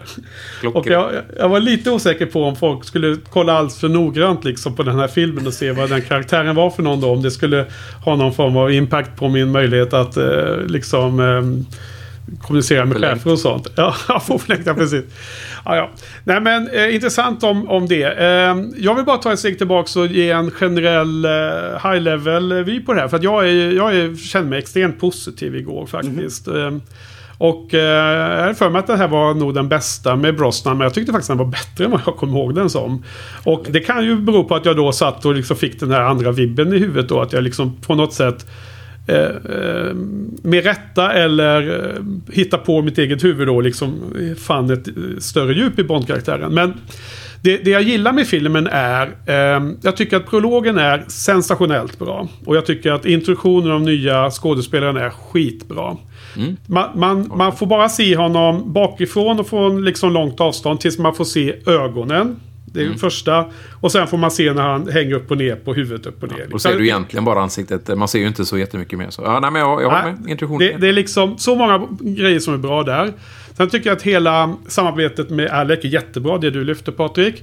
Men sen jag tycker jag också att slutet är med det här, allting med flygplanet är, och det är så jäkla snyggt gjort liksom. Och trots att man redan vet vad som ska hända så är det att man liksom, man dras ju med i, liksom, man får ju upp pulsen och det känns ju nästan svindlande allt som sker. Ja, men han är ju inne i planet först liksom, och då är det farligt nog. för att, för att det, det är liksom, hur, hur ska det gå? Men sen så ramlar han ut och ska ta sig ikapp och flyga. Ja, det är så jäkla jäkla bra alltså. Så att, sen tycker jag att filmen, som många Bondfilmer historiskt också har varit då, att den är eh, i mina ögon mer agent och relationsdriven i någon mening fram till 90 minuter av de 130. Den är ju två timmar 10 minuter, 130 minuter. Men för ungefär en och en halv timme kollar jag, då är det liksom bara action kvar. Och, och det finns en del bra grejer där. Framförallt i tåget och det när de blir fångade av skurken som Bond alltid blir. Ska ju alltid bli fångad i olika lägen. Ja. Eh, Jag önskar att vi från början här hade haft en, en counter för varje film. Hur många gånger blir Ja. han tillfångatagen i varje film? För den här Exakt. gången blir han ju tillfångatagen en massa gånger liksom. Ja, Igen. Igen. Och precis det är ungefär hur många gånger springer Kramer in i Jerrys lägenhet liksom. Det, det finns en sån counter på, på Ja. den, eh, på den eh, stora boxen. Mhm. Extra material. Men eh, jag håller helt med, det skulle vi ha gjort eh, Patrik. Vi skulle ha spanat på det. det. Det var en sån här missad kategori i mitt bloggprojekt Mm. också. Det är lite av samma sort som eh, jakt i udda fordon. Skulle man haft den. Eh, Eh, så, så jag tycker att en, en del av action mot eh, sista 40 minuterna är som helt okej och bra. Det är intressanta scener. Men jag tycker att filmen är liksom i det här spännande uppstartsfasen i 90 minuter. Där liksom Bond utreder saker, tar sig till nya miljöer, interagerar med de här karaktärerna. Eh, träffar liksom Isabella, Isabella Scorupcos karaktär och, och allt det här. Det är liksom riktigt jäkla bra tycker jag. Jag tycker bi- bikaraktärerna är väldigt bra. Skurkar och, och på hans sida alla. tycker jag snarare är ganska bra. Ja, så att jag är jättepositiv. Eh, överraskat positiv. Härligt. Ehm, så att då vet ni vad min state of mind är då. då. Men eh, ska vi prata lite mer om Isabella då? Ehm, jag tycker att hon är ganska bra som skådis. Alltså det, hon är ju helt klart... Hon står ju sig väldigt klart bra när det gäller alla Bondbrudar. Eftersom ni vet sen tidigare har jag ju uttryckt att vissa Bondbrudar verkar som bara har valts för att de har vunnit någon miss, miss, eh, misstävling innan med utseendet. Vart så här modeller mer än skådespelare. Så har jag en känsla av. Jag, jag tycker hon sköter sig bra. Och sen är det ju också, får ju ändå som, eh, som man säga det, att jag tycker hon är otroligt vacker. Alltså. Det är ju slående. Hon, hur eh, otroligt eh, vacker människa kan vara liksom. Tycker hon är helt fantastisk vacker. Ja, fast den, den stora grejen där är ju att jag känner... Alltså jag håller ju med dig. Hon är fotogenik, absolut. Men när det inte finns eh, kemin riktigt. Då är det lite skitsamma. Ja men det blir ju det. Jag håller med det.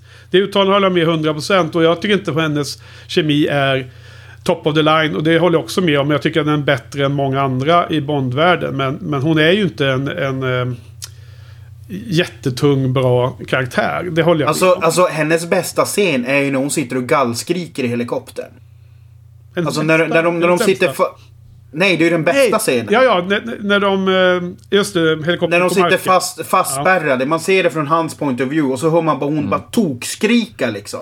Alltså det är verkligen... Det kände jag bara så här. Ja, så där hade det nog varit. Om hon Ja. hade varit vaken och han ligger liksom Ja, avsvimmad. Sen slutar de ju inte skrika även efter den. Nej, Men, exakt. ehm, mm, Det är en jäkligt bra scen, är det. Ja.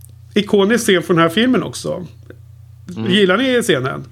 Ja, jag gillar den absolut. Den är helt, lite ologisk kanske. Jag vet inte riktigt varför de skulle... Det är som vi pratade om innan. eh, Ta det mest eh, konstiga sätten att döda på. Ja. döda på liksom, istället för att behålla, Jo, men det behålla får- helikoptern. Liksom. Ja, Det men det man är ju bara- det är ju det som han säger i, i den där spoof-filmen då. eh, Austin, Austin Mm. Powers. Så säger de rätt att man måste, istället för att bara döda dem så måste man göra det på det mest Ja, inconvenient precis. sätt. precis. Exakt. Eh, Nej, men, Men, hon... men, hon har du helt plötsligt eh, dig på det nu Patrik? Det, det har ju passerat varje, Nej, men varje du annan ställer film har det frågan. Jag, varit jag sitter och funderar på det också när jag ser filmen. Men, eh, nej, men jag, som jag sa innan, Isabella, jag tycker vissa scener gör hon jättebra, vissa scener gör hon inte alls bra. Och Nej. mitt minne av den här filmen var ju just att hon var bra. Mm. Eh, så nu blev det lite sådär bara upp och ner, upp och ner hela tiden. Och, ja, hon ser bra ut. Jag stör mig jävligt mycket på hennes hår bara. Jag vet inte om hon springer omkring med peruk ibland eller något. Det känns bara jättekonstigt. Ja, det kan, det kan det nog vara. Nej, jag tror ni att hon hade peruk verkligen? Jag läste i början där. Alltså, men jag vet inte riktigt. Eh, Jag, jag, jag bara stör mig på hennes hår. Eh, Jaha, det gör inte inte jag. Eh, Men jag, jag, jag, alltså en del i det hela är att man är lite så här förtjust över att hon är svenska också. Jag tycker det är lite härligt att... Ja, eller polska. Fast, fast gör man Det verkligen det? Jag, jag, jag, jag tycker inte... Eh, alltså för grejen, vi har ju haft så många svenskar redan. Så Jo, det är liksom så här- och... I och för sig, alltså jag har ju inte, jag har ju inte varit lika förtjust i sådana som Maud Adams tidigare. Ja. Eh, det, så det är konstigt. Men, ehm, eh, nej, men man hör i hennes tal, hon, lä, hon, hon har extremt svensk brytning ibland känns det som. Hon säger boys with toys och alla Jag skulle, jag skulle nog vilja säga att hon har en polsk brytning, för det är den hon, har, hon försöker få fram då för att få en rysk Ja, eller rysk, rysk, det ska vara rysk, men det låter som svenskt ibland. Ja, nej, jag tycker det... vill jag hävda. Ja, ja, ibland kanske. Men som sagt, det går ju upp och ner, hennes skådespeleri. Mm, nej, det var väldigt, väldigt ojämnt faktiskt. Ja, men jag kan så- säga att i den boken jag läste så stod det att hon var polsk skådis då. Det är Ja. rätt roligt. Hon flyttade till Sverige när hon var åtta liksom. Så jag, det är lite sådär bara, jaha. Okej, jag har bara sett Tog de dem ifrån oss en med, med, eh, med helt eh, brytningsfri svenska i intervjuer. Ja, alltså, Så jag, jag ser det ut, från svenska. Det är utgått från att hon var svensk. Mm, ja, hon är, absolut, hon är ju svensk. Det är, kan vi komma Eh, överens om här. Det är bra. Okej, eh, men det var... Har vi några fler barnbrudar? Vi har ju hon i början, eh, Caroline, eller vad hon heter, den här utdaterade... Ja. Hon utvärderar ju Bond, sitter i bilen och skriker. Är hon ut, utdaterad? Hon ut- eller vad sa Hon, ja, men det, hela, den, hela den karaktären och allting känns väl väldigt utdaterad. De sitter och skriker och, eh, i bilen där. Det känns ju bara, det känns bara jobbigt idag. Ja, det, eh, det, det är förvisso, men jag tycker också ganska kul att det bara läggs en liten, liten kommentar någonstans i hennes dialog att, att eh, du har problem med kvinnliga auktor, auktoriteter. Och sen så, Ja. för, ännu har ju inte vi in, kunskap om att M är en kvinna. Så det är lite Nej, kul, precis. tycker jag. Det är absolut så. Men han, han, eh, han löser utvärderingen genom att ligga med henne. Det känns ju... Ja. Ja, känns det- väldigt Jo, Bond jo, men- men fast- Väldigt mycket fast det-. Det Bond, ja. det, är- det är det jag menar. Alltså, de, de, har ju, de har ju tagit fram arkivet. Liksom. Okej, hur ska filmen vara? Ja, då behöver, han, behöver ha, han behöver vara med tre kvinnor inom Mm. 30 minuter typ. Alltså det är ju lite... Ja, ja. Det är ju Ja. mallen liksom. Det är eh, för galet alltså. Okej. Eh, nej, men det är så vi är inte jättenöjda med det här då. då. Eh, Alltså, så det är lite varierande, varierande nivå och så. Mm. Men det, det är ju fortfarande välgjort. Det, det är det som är... Det är bara det att när man, när man sitter och kollar med... ehm, eh, alltså, det, min generella kritik mot Bond, mot Bond-branschen är väl kanske att jag önskar att de hade följt lite andra spår ibland. För att jag tycker att de spåren var väldigt intressanta. Sen är ju den här ju tydligt tillbaka. Okej, nu kör vi ett säkert kort för att vi ville eh, verkligen vara sä säkerställa någonting. Och det, det blev ju jättelyckat så man kan ju egentligen inte kritisera dem. Eh, men, eh, ja. Ja. Eh, The Opposition då, där har vi ju en hel del figurer att prata om. Eh, vad har vi på det Patrik? Vilka är det som står ut för dig och som känns bra? Det är ju självklart eh, Alec Trevelyan då, 006. Eh, den alltid onda Sean Bean, eller... Han råkar alltid illa ut i alla fall i sina filmer. Ja, det, men det man säger är väl att han alltid blir halshuggen och det, det slipper han ju den här gången Ja, också. den här gången, ja. Det, han får något spjut igenom. Ja. Att, ja, det har jag sett med. någon sån där meme om. Att eh, han tydligen... Eh, eller det kanske... Ja, Han kan aldrig överleva en film i alla fall. Det, det exakt. Jag kanske blandar ihop det där. Sorry. Ja. Det, memen han tappar väl huvudet han, dör, han dör alltid på olika spektakulära... Så. Nej, jag gillar honom och sen sa det är jättekul att se 006 eh, och sen den twisten då liksom. Eh, Men jag är eh, helt eh, för honom. Liens kosack, eller vad var det hette? Ja, Lians. Ja, alltså jag, det, det här är nog kanske den starkaste punkten på filmen för mig nu. Det är att han känns på riktigt som en... ehm, Alltså som en värdig motståndare. Det är, det är för få gånger man har känt det. Eh, och det, det beror väl också på att man ser att han är en 006-agent i början. Liksom, så att man vet att de har samma bakgrund. Så att de liksom bör kunna vara likvärdiga. Liksom. Ja. Men- Utbildning och allting så. Exakt, men sen så tycker jag också att han spelar den typen av pondus väldigt bra hela tiden. Och jag gillar också att han faktiskt har någon slags realistiskt skurkagg, alltså mot Storbritannien. Typ. Med hela den här grejen att eh, hans föräldrar eh, har dött fastän de försökte typ eh, emigrera dit och all, hela den grejen liksom. Ja, jag, jag, jag köper också liksom... Mot, vad har han för några... Vad är han motiverad av skurken? Det Ja. håller jag verkligen med om. Eh, Det är för övrigt en annan tillfälle när Bond bara kastar sig in i en situation utan att tänka på sin säkerhet när han går och möter Janus. Och han blir mycket riktigt tagen av Janus och hamnar i den här dåliga situationen i helikoptern på marken. Så ytterligare sånt tillfälle när han bara går in på en kyrkogård och blir bara tagen liksom. Helt eh, udda. Eh, nej men jag gillar honom. Eh, ganska mycket. Och han, är, han, han har väl övertaget väldigt mycket mot slutet i deras Mano Amano. Men så får han lite ö, hybris där mot allra sista slutet och, så får Bond the upper hand va? Eller Ja, vad är det det som händer i eh, sista? Det är väl en stege, stegpinne som går sönder tror jag. Som han står det- på va? ja, är det är det därför det- han ramlar, ramlar ner. När han ska stå och stampa honom på foten typ. För mig det är någonting sånt. Så det, det är ju inte, jag tror inte det är Bond som gör det. Nej precis. Bond ligger ju under där han på stegen. Men sen ramlar man ju ner på den där runda plattan allra i slutet med en vajer som Bond... Han, Bond ramlar ju ner från stegen och landar på den här cirkulära allra sista Alltså, stöten. alltså den, den... Det blev... Det, just, alltså om man nu ska gå in i nitpick-regi-grejer här så var ju den delen var ju lite antiklimaktisk. För att i stort sett det som händer är att helikoptern kommer ehm, och så sen helt plötsligt sticker Isabella Scorupco går fram och pistolhotar eh, piloten. Och så helt plötsligt så typ ramlar eh, Trevelyan ner. Eller alltså Janus ner. Alltså det, det är väldigt så här. Det, det känns bara som att det Lite oklart vad som hände där. Ja. För, jag, jag bara tänkte att han liksom hade övertaget så mycket så att han liksom glömde Jo men han, han, det hade, han hade ju någon slags övertag. Men som jag fattar det så vinkade han ju typ dit helikoptern. Av någon anledning. Jag, för att den skulle- vi- jag tror han ville att, han, sk- att eh, någon på helikoptern skulle skjuta Bond eller någonting. Men jag vet, det känns också Ja, väldigt han- konstigt. han Eh, säger väl han vill ju nog ta honom själv. Ja. Jag vet, vet inte. Det var, han säger väl något om The Gunship, säger han någonting. Mm, jag, tror det, jag tror det är det. Han... Så, så att det är ju det är tyvärr en väldigt antiklimaktisk slutstrid med en sån färgstark skurk liksom. Mm. Eh, Eh, Det håller jag med om. När vi alla tre såg filmen igår och nu, och nu sitter vi och har tre lite, lite olika varianter på hur slutet tog slut. Liksom. Jo, men det är så, alltså man, man tappar ju fokus lite speciellt mot slutet om, om man känner att det är lite sämre och så. eh, Ja, Ja.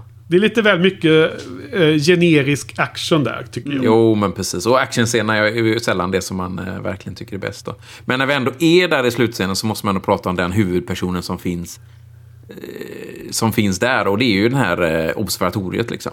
Arecibo-observatoriet. För det är ju... Det här var ju eh, världens största eh, eh, teleskop, då, radioteleskop. Eh, fram till bara några år sedan. Var, var, ligger det?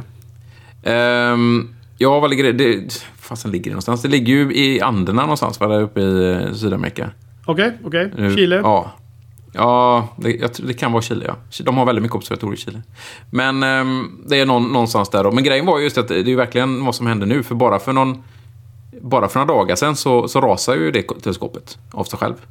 Jaha. Och, och så det är, ju, det är ju förstört nu. Den första december så ramlar det ner. mm, jag, såg, jag såg det också. Ja, för det var tydligen det var en vajer som, som gick av. En vajer till den här där de står på typ. Som gick av i somras och då avbröt de arbetet. Och sen så gick en vajer till av, eh, till av i, i november och då bestämde de sig för att riva det. Men innan de hann riva det så rasade den nej. då nu, nu då bara. Så det är bara några veckor, eller ja, 12 dagar sedan. Det, det var, var eh, trista nyheter. För att jag antar att det Mm. där användes för eh, forskning ut mot rymden och sånt. Ja, den har ju varit jättevärdefull då. Som sagt, eh, världens största liksom. De har ju använt den till hur mycket som helst. Och det är givetvis ett sånt resmål man jättegärna vill hade åkt till liksom. Men hur, hur missade vi det då när vi var i Sydamerika? Ja, vi hade ganska mycket annat. Ja, vi hade det, men jag kommer aldrig ihåg att den var med som en eh, kandidat på listan. Nej, det var den faktiskt aldrig. Det har, har du rätt i. Nej, den var aldrig med på det. Nu är det som eh, Timbuktu. Ja, precis. Det är också förstört och inte kan, man kan inte se det originalet. Tyvärr. Ja, okej. Nej, men det visste jag faktiskt inte om. Så det var ju, ja, det var ju tråkiga nyheter då, får man säga. Eh, när, ri- eh, när den ramlar av sig själv. Inga, det blir inte jättebra bilder för. Det är ju mer sådana här statiska kameror som bara står där och filmar hela tiden. Så det, man, man ser inte jättebra. Men, men ja, nej, det är synd. Den, eh, Hur- Hur fasen fick du reda på detta? Jag är intresserad av eh, rymden och sådana Ja, saker. alltså, det- är, är, är, är, hoppar det upp överallt. Twitter eller, Twitter eller vad Ja, man ska säga? har väl stått, det har väl stått i tidningar så... Har stått i, Ja, för mig dök det upp i Facebook-flödet. Ja, men det är samma här. Liksom. Man, man eh, följer ju massa olika grejer då. Så, Mm. som, Men, men, det, men det lustiga var att det, i, i den artikeln så stod det inte att Goldeneye-grejen var... Alltså där. Men jag kände ju igen det och tänkte vad fan är inte det Ja. där det Goldeneye spelades? Jo då, Ja. absolut. absolut. Okej. Det det, det. Ja, nej, det var, det var trist. Trista nyheter. Nej, Mm. jag, jag, jag ifrågasätter inte Patrik. Jag var bara nyfiken. på Ja, nej, ja, vad- absolut. Jag följer också en massa olika NASA och lite andra sådana konton. Men det har inte swishat förbi Nej, i okej. mitt fall. Ja, eh, man, man ser ju inte alla inlägg. Puerto Rico ligger den i. Kan jag Jaha, okej. Mm. Så det var väl kanske därför då vi inte, den inte var med på listan förresten. Där, där var vi Det var ju aldrig så nej. högt upp. Nej, precis. Ehm, mer skurkar. Jag gillar den här ryska generalen. Oromov eller vad han nu heter. Han med den Mm. långa, långa sneda näsan. Tänkte ni på det? Ja, jag tycker inte han står ut så mycket. Däremot så gillar jag hans eh, pluntadrickande i bilen när han blir jagad av stridsvagnen. Eh, Men jag, tycker inte han, jag, jag, tycker inte, jag har inget emot honom, men jag tycker inte han, han står inte ut. Ja, men jag, jag tycker han är, han är rolig därför att... Möjligtvis. Ja, men det, anledningen till att jag gillar honom Patrik är att jag tycker att han... Han gör ju den där... Han har en stor del av prologen när, han, när Mm. Bond är förrådd. Eller när Bond tror att Alec har blivit dödad. Och Bond gömmer sig bakom någon jäkla grej. Och så smyger han åt sidan. Och så står, står eh, Oron där och bara liksom eh, ler. Eller du vet, han ser bara så här förvånad slash bekymrad. Vad liksom, hur, hur tänker du att det här ska bli nu då? Eh, sen så hittar ju Bond en utväg ändå då. Men, men jag, jag gillar han från den scenen. Ehm, eh, men visst, okej, det kanske inte är världens mest ikoniska eh, skurk. Vad, vad tycker du Joel? Vad tycker du? Nej, nej det, det kändes ju också som någon, någon så här, ja, alltså att han passade in ganska mycket i Moore-filmerna liksom. När, när han liksom tar sin pluntare. Jag tänkte så här, första gången så jag bara, men vad fan, liksom, vad var det där? Och så, och så när det kom igen sen. Då, Jag gör det flera gånger, liksom. Ja, och då, Ja. då tänker man säga, ja, då är det ju inte skådisen som har improviserat. Utan då är det ju någon som har sagt åt honom att han ska Säg göra inte det, säg inte det. Men, men ska, vi, ska vi ta den direkt då, den här jakten i udda äh, fordon där med, när, med, när han kör tanks. Alltså jag tycker hela den sekvensen är ganska B. Jag tycker den är dålig. Vad tycker ni? Jag tycker den börjar bra. Liksom. Åh, han kör en tank, liksom. Om man bortser från att han kör en tank utan problem. Men sen blir den bara värre och värre och värre med den statyn som hamnar på och, Ja, liksom, eh, och, så- och så den här slipsknut-grejen som vi pratade om, han rättat till. Liksom. Nej, men den blir eh, väldigt kort hade den varit bra, men... eh, Jo, nej men alltså det, det, det som är, det som var... Alltså den är ju på tok för lång. Ehm, det, den bara pågår hur jävla länge som helst. Liksom. Det reagerar jag verkligen på. Eh, däremot så är det ju första halvan när han kör in genom väggar och kraschar byggnader och grejer. Det är ju, det är ju på riktigt bra liksom. Alltså det är så här, eh, ja, du kör du ju sönder ett hus där liksom. För det där, det fejkar du inte. Ja. oh, nej, men det håller på för långt. Det kanske är något med den moderna film... Hur, hur moderna filmer är som gör oss mer otåliga när man ser, eh, i det här fallet, 25 år gammal film. Liksom. Ja, det kanske Ja, är den jag ändringen. tycker, jag tycker moderna filmer har ju blivit ännu värre. Jag menar vissa, vissa, vissa ja. Marvel-filmer så här har en slutscen som är en timme. Liksom. Ja, DC Och, och det, har ju det. det, tar aldrig slut. Man bara sitter för helvete. Kan, Ja. Nej, Absolut. Det, mm. Ja, jag köper det. Ehm, sen då fler på skurksidan. Vi har redan pratat lite om Ona Top. Då, då, Ja, jag, kan tycker ju bara säga att ni verkar Ja. ju inte gilla henne. Jag älskar ju henne. Jag älskar Johanna Topp. Jag tycker hon är fantastisk. Eh, berätta jag vet mer. att jag går emot er. Men... Nej, men jag, Nej, jag du- tycker hon är, hon är så mycket härligt men- over the top och... och, och nej, jag gillar henne. Eh, Jag, jag säger inte mer än det. Vi kan fortsätta. Jag bara säger att... Nej, men det... Hon får en plus till min lite. Du, eh, du gillar Famke Jensen då? Ja- Jansen va? Ja, i, i den rollen. Eh, både karaktär och skådis. Ja. Men jag, jag men tänkte det- om det är också en favorit från, från andra filmer så kan det också vara en... Nej, det är snarare så Ja. att jag har sett den här och sen försöker jag följa henne.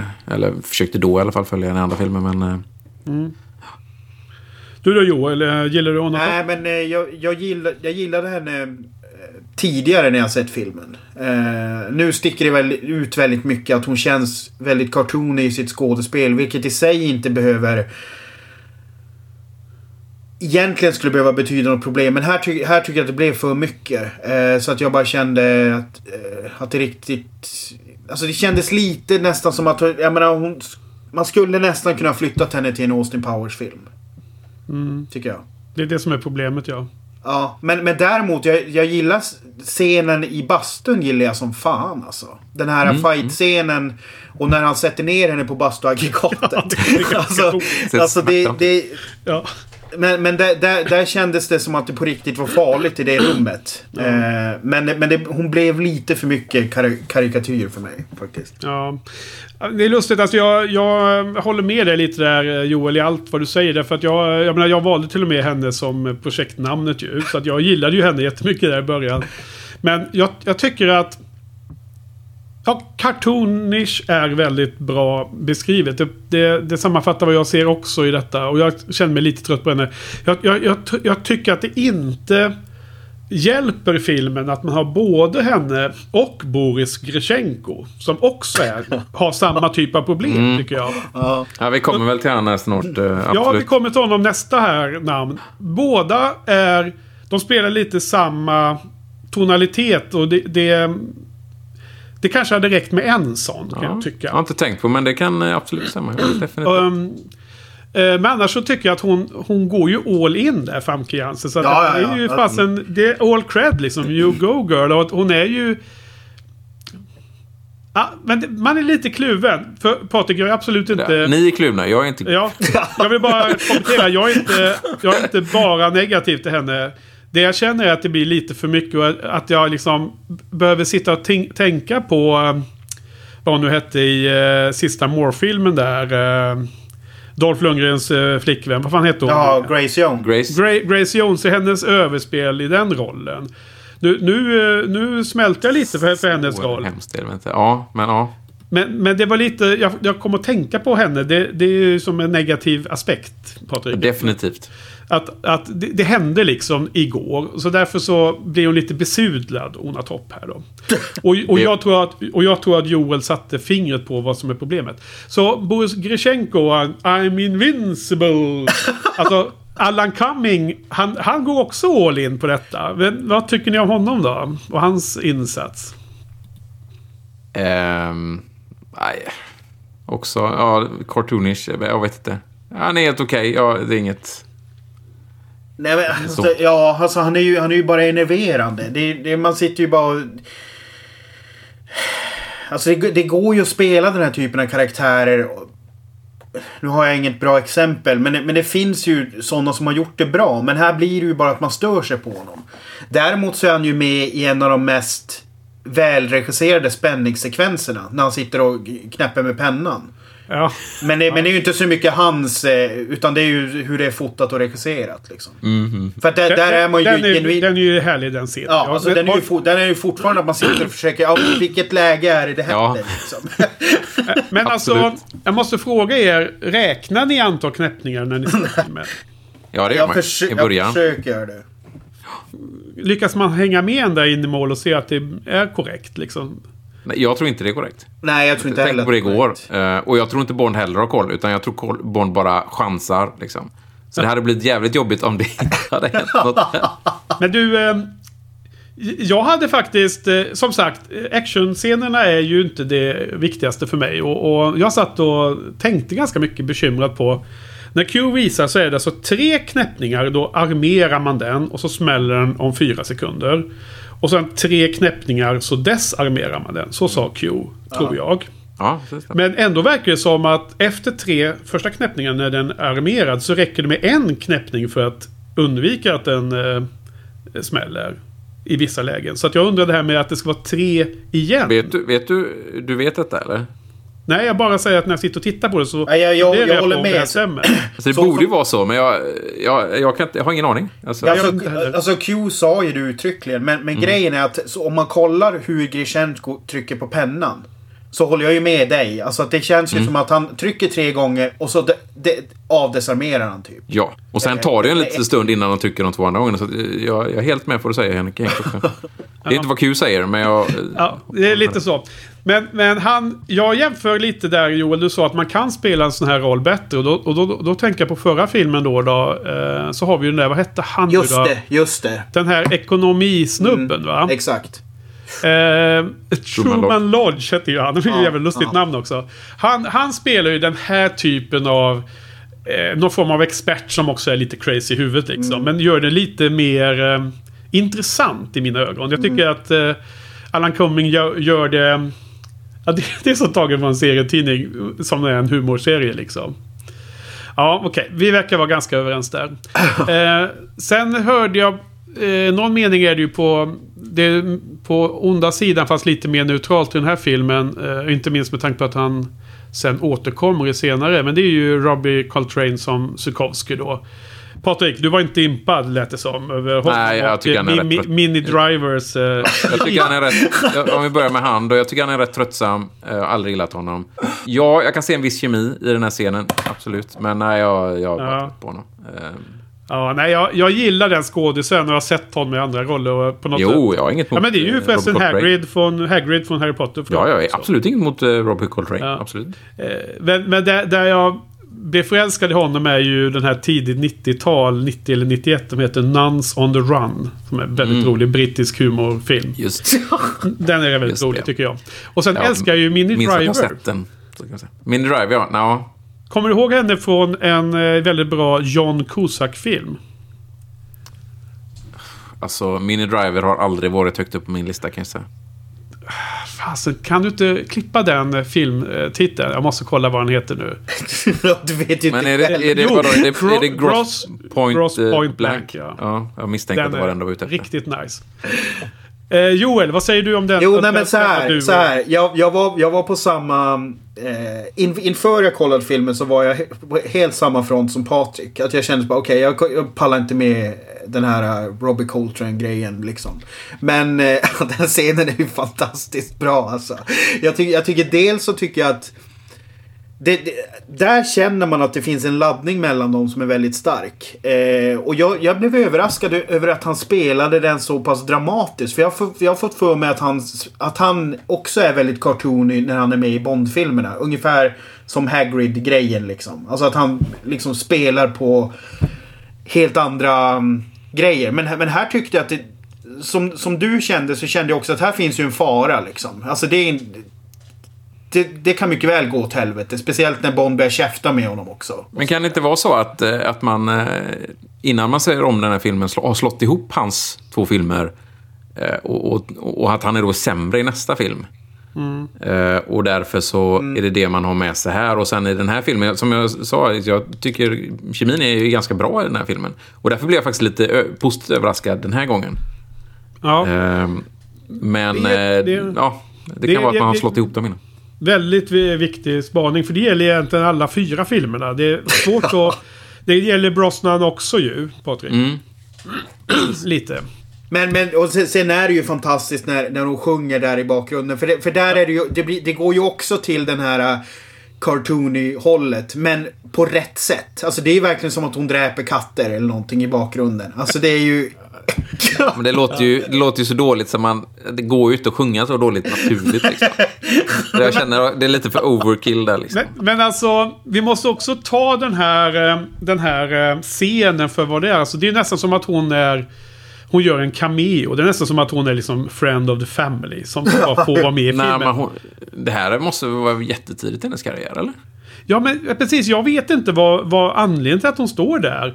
Men jag tycker bara att det är en så himla rolig liten detalj. Det är ju bara en, det är bara en krydda till den scenen. Det är inte någon, det är inte någon content, Patrik. Det, det är ju inte Nej, meningen nej. att de ska sjunga bra eller dåligt eller mittemellan. Utan det är bara en... Det bara sätter en liten färg på den här scenen. Och jag, jag tycker det är så härlig liten, liten detalj helt enkelt. Ja. Så för mig blir det väldigt positiv njutning av den då. Jo, precis. Men jag menar, hon hade ju inte gjort speciellt. Jag tror inte hon hade gjort någon stor film innan den här kom. Jag tror Nej, att- alltså jag, jag, kollar henne, jag kollar hennes filmografi nu. Jag tror faktiskt att det här var på riktigt ett, ett jobb för henne. Jag tror Ja, inte att det här tror var att, Nej, att hon kom in ja. och gjorde liksom en cameo för att hon var känd. Typ. Nej, nej, nej, jag tror inte hon var känd alls eh, nu. Eh, det här tillfället. Eh, Det tror inte jag heller nu. Eh, alltså, det, det var inte så jag menar riktigt. Jag bara menar att scenen är som. Ja, så, liksom. det är... Det, säga. Mm. det ska skulle inte... Jag analyserar inte hennes insats, eller hennes, den rollkaraktären i filmen för att det ska make sense. Utan det är bara som om det vore en cameo eller något annat. Här, bara en liten färg, färgläggning av den här scenen. Ja. Det var det jag menade lite så. Mm, Jag hade liksom ingen spaning på att det var en cameo. Utan bara mer som... Ja, okej. Ibland kan man se... Du vet i Eurotrip så har vi en väldigt känd skådis som är Jo. i liksom 10 sekunder. Precis. Det är bara som en rolig grej. att det bara här, dyker upp och sen är det, har det ingenting med filmen att här göra. spelar du ändå in att det blir så ögonfallande med. För att, för att grejen är att, alltså det är det som är så lustigt att för mig funkar det här. Men jag har väldigt mycket mer problem med Onatop och Grishenko liksom. Då, där blir det... Det liksom bara ramlar över av någon jävla anledning. Men på någon jävla vänster så funkar den där scenen. Eh, Ja. jag tycker ändå, jag tycker, jag tycker att det är ju lite samma, samma kvaliteter. För det är ju så otroligt eh, överdrivet liksom. Så är det helt klart. Ehm, han har ju också lite någon medhjälpare här då med Jack Wade. Vad, vad, säger, vad säger vi på honom då, Joel? Vad tycker du om Eh, Lighters eh, ersättare, Jack Ja, Wade? alltså det... Jag... jag ehm, alltså det hade ju, det hade ju varit kul om han hade sagt men du ser ju ut som... Och så hade han sagt det här skurknamnet eh, från Living Daylights. Ja, det har varit typ. något. Ehm, nej, jag vet inte. Alltså det är ju... Jag fattar inte heller riktigt varför de inte bara... Varför inte de, de lät honom typ göra en version av Felix Leiter istället. Alltså det här blir bara... Är det, är det för att man ska få se hans butt-tattoo liksom? För att de inte har sett varandra tidigare? Alltså jag vet inte. Och som jag sa, alltså jag skämtar inte när, när planet kom där. Jag, jag kände bara, det hade varit sån jävla bra payoff om det hade varit en Ja. annan som klev ur planet liksom. Det har varit en eh, kontinuitet där. Ja. Ehm, Nej, han, jag blir inte speciellt berörd utav honom. Utan jag, jag, Alltså han måste ju vara nära Broccoli-familjen eller någonting. För jag menar, hans skurkporträtt var ju inte särskilt minnesvärt heller. Eh, Nej, men de gör ju det ibland. Återanvänder eh, skådisar har vi pratat om innan där. Jag, eh, och det pratade vi om redan i, Ja. i Living Daylight. Så. Nej, jag tycker inte alls om han. De borde tagit Felix Leiter eller... De kanske i och för sig ville ha en eh, Sovjetbaserad eh, CIA-agent, om man säger så. det. Eh, det kanske är därför de har tagit någon annan då. Ja. Nej, jag tycker inte alls om Wade. Han... eh, Ja, nej. ja, jag, tycker han är lite härlig. Men, men det är också i mina ögon mer en krydda än ett eh, fundamentalt content i mitten. Eh, alltså i, i, i, mitt, i, i, liksom, i centrum av filmens eh, värde. Liksom. Eh, men vad har vi på... Eh, vi har en, en nytt ansikte här och den enda riktiga Bond i hela filmen, Patrik. Vad har vi på henne då? Vi pratar om M nu, eller? Eller var är du, var är du inne någonstans nu? Skådespelerskan Samantha Bond. Ja, ja, ja, precis. Hon spelar Miss Moneypenny. Ja. Eh, jag vet inte jag hur gjorde, många hon- jag, jag gjorde en liten humoristisk över, eh, överlämning Ja, där. ja den, den, enda funkar, den funkar jättebra. Bond. Den funkar jättebra där. Ehm, Ja, det funkade svindåligt. jag tror hon har, hon har fått frågan ganska många gånger om hon, eh, if there's any relation. Ja. Men, nej, det stämmer. Hon eh, gör, eh, vi pratade väl om det, det var ingen som kom ihåg hur hon såg ut. Jag hoppas ni kommer ihåg nu att ja, men det var ju hon liksom. Ja, Eh, Men hon, hon är ju dessutom kompis, bästa kompis med Caroline Bliss som spelar Miss Moneypenny i Daltons filmer.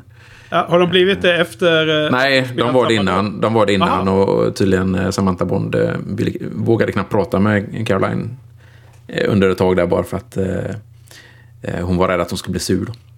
Eh, nej, eh, jag tycker hon... Eh, nej, men det är en... Helt okej. Här, I den här filmen tycker jag väl inte hennes roll är svinbra. Eh, däremot så gillar jag henne om man ser slår ut över alla fyra filmerna. Är, är, är det bara fyra gånger hon är med, eller? Hon är ju med i... Bros- hon följer ju Brosnan liksom. Så hon, får, så hon får inte vara med i Daniels filmer alls? Nej. Sen är det slut. Väldigt-. Är, är det Harry som spelar Moneypenny i alla Daniels filmer, eller? Hon är väl bara med. Nej, inte alla. Hon är inte med i den första till exempel. Ah, okej. Ja, nej, men jag, jag tycker hon är bra som fan här alltså. Det är jättetrevligt att man har en ny. Det, det är väl eh, fantastiskt bra. Eh, Bra. jag, jag slås lite av att det är lite lustigt att... Eh, alltså hon måste väl ändå vara mer form av PA än eh, assistent eller sekreterare om hon blir inkallad ba, bara för att det var liksom en... En eh, särskild händelse som hade hänt liksom ute i världen. Hon, Ja, hon, hon, hon även, in. även den gamla Miss Money blev ju inkallad eh, olika tider. Så. Jo, jo, men...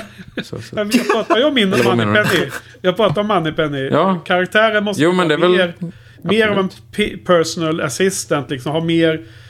Ha mer att göra än att bara vara liksom ta, skriva ut brev liksom. Ja, man absolut. blir involverad när det händer något internationellt scenario. Det var det som Mm, ja, men abs absolut, det har vi sett i alla filmerna egentligen. Och hon får ju följa med eh, M när han åker iväg eh, till alla olika ställen, var han nu är. Mexiko Ja. eller... Ja, eh, Ja, men för det, de, de, eh, eh, de har ju med i, i dialogen mer tydligt tycker jag. än vad- jag i alla fall kan komma ihåg från tidigare. Men det är mycket möjligt att det har gått över huvudet på mig. Men att hon, hon verkligen poängterar att hon var ute på en dejt och Ja. var på teatern. Mm, liksom. mm. Och det är ju bra. Så att- och det är ju lite att- uppdatering till, Det till var det, 90-talet. det jag la Du har helt rätt. till. Absolut. Köper det. Joel, vad tycker du? Ja, nej absolut. Eh, Jag fattar inte riktigt varför jag hade ignorerat henne så mycket. Jag tycker, jag tycker det var en... eh, Ett bra, ett bra Moneypenny-porträtt. För det känns också som att hon är mer eh, liksom jämställd med honom. Det liksom är... ehm, hon, är in, hon är inte så himla liksom eh, förtjust i honom. Liksom. Sådär lite... Nej, hon, hon, hon, Förbifarten. hon hanterar Bond på Ja, ett bra sätt. Exakt. Mm, jag håller Det, med det, dig. Och känns som att de har en vuxen, vuxen relation där. Liksom. Mm, ja, det är jättebra spaning. Jag håller helt med Hon, det. hon lyfter, lyfter att det kan vara sexuella harassment. Och det är liksom lite modernt. Ja, men det blir ju jättekonstigt sen när eh, straffet liksom eh, skulle vara att han får göra något också.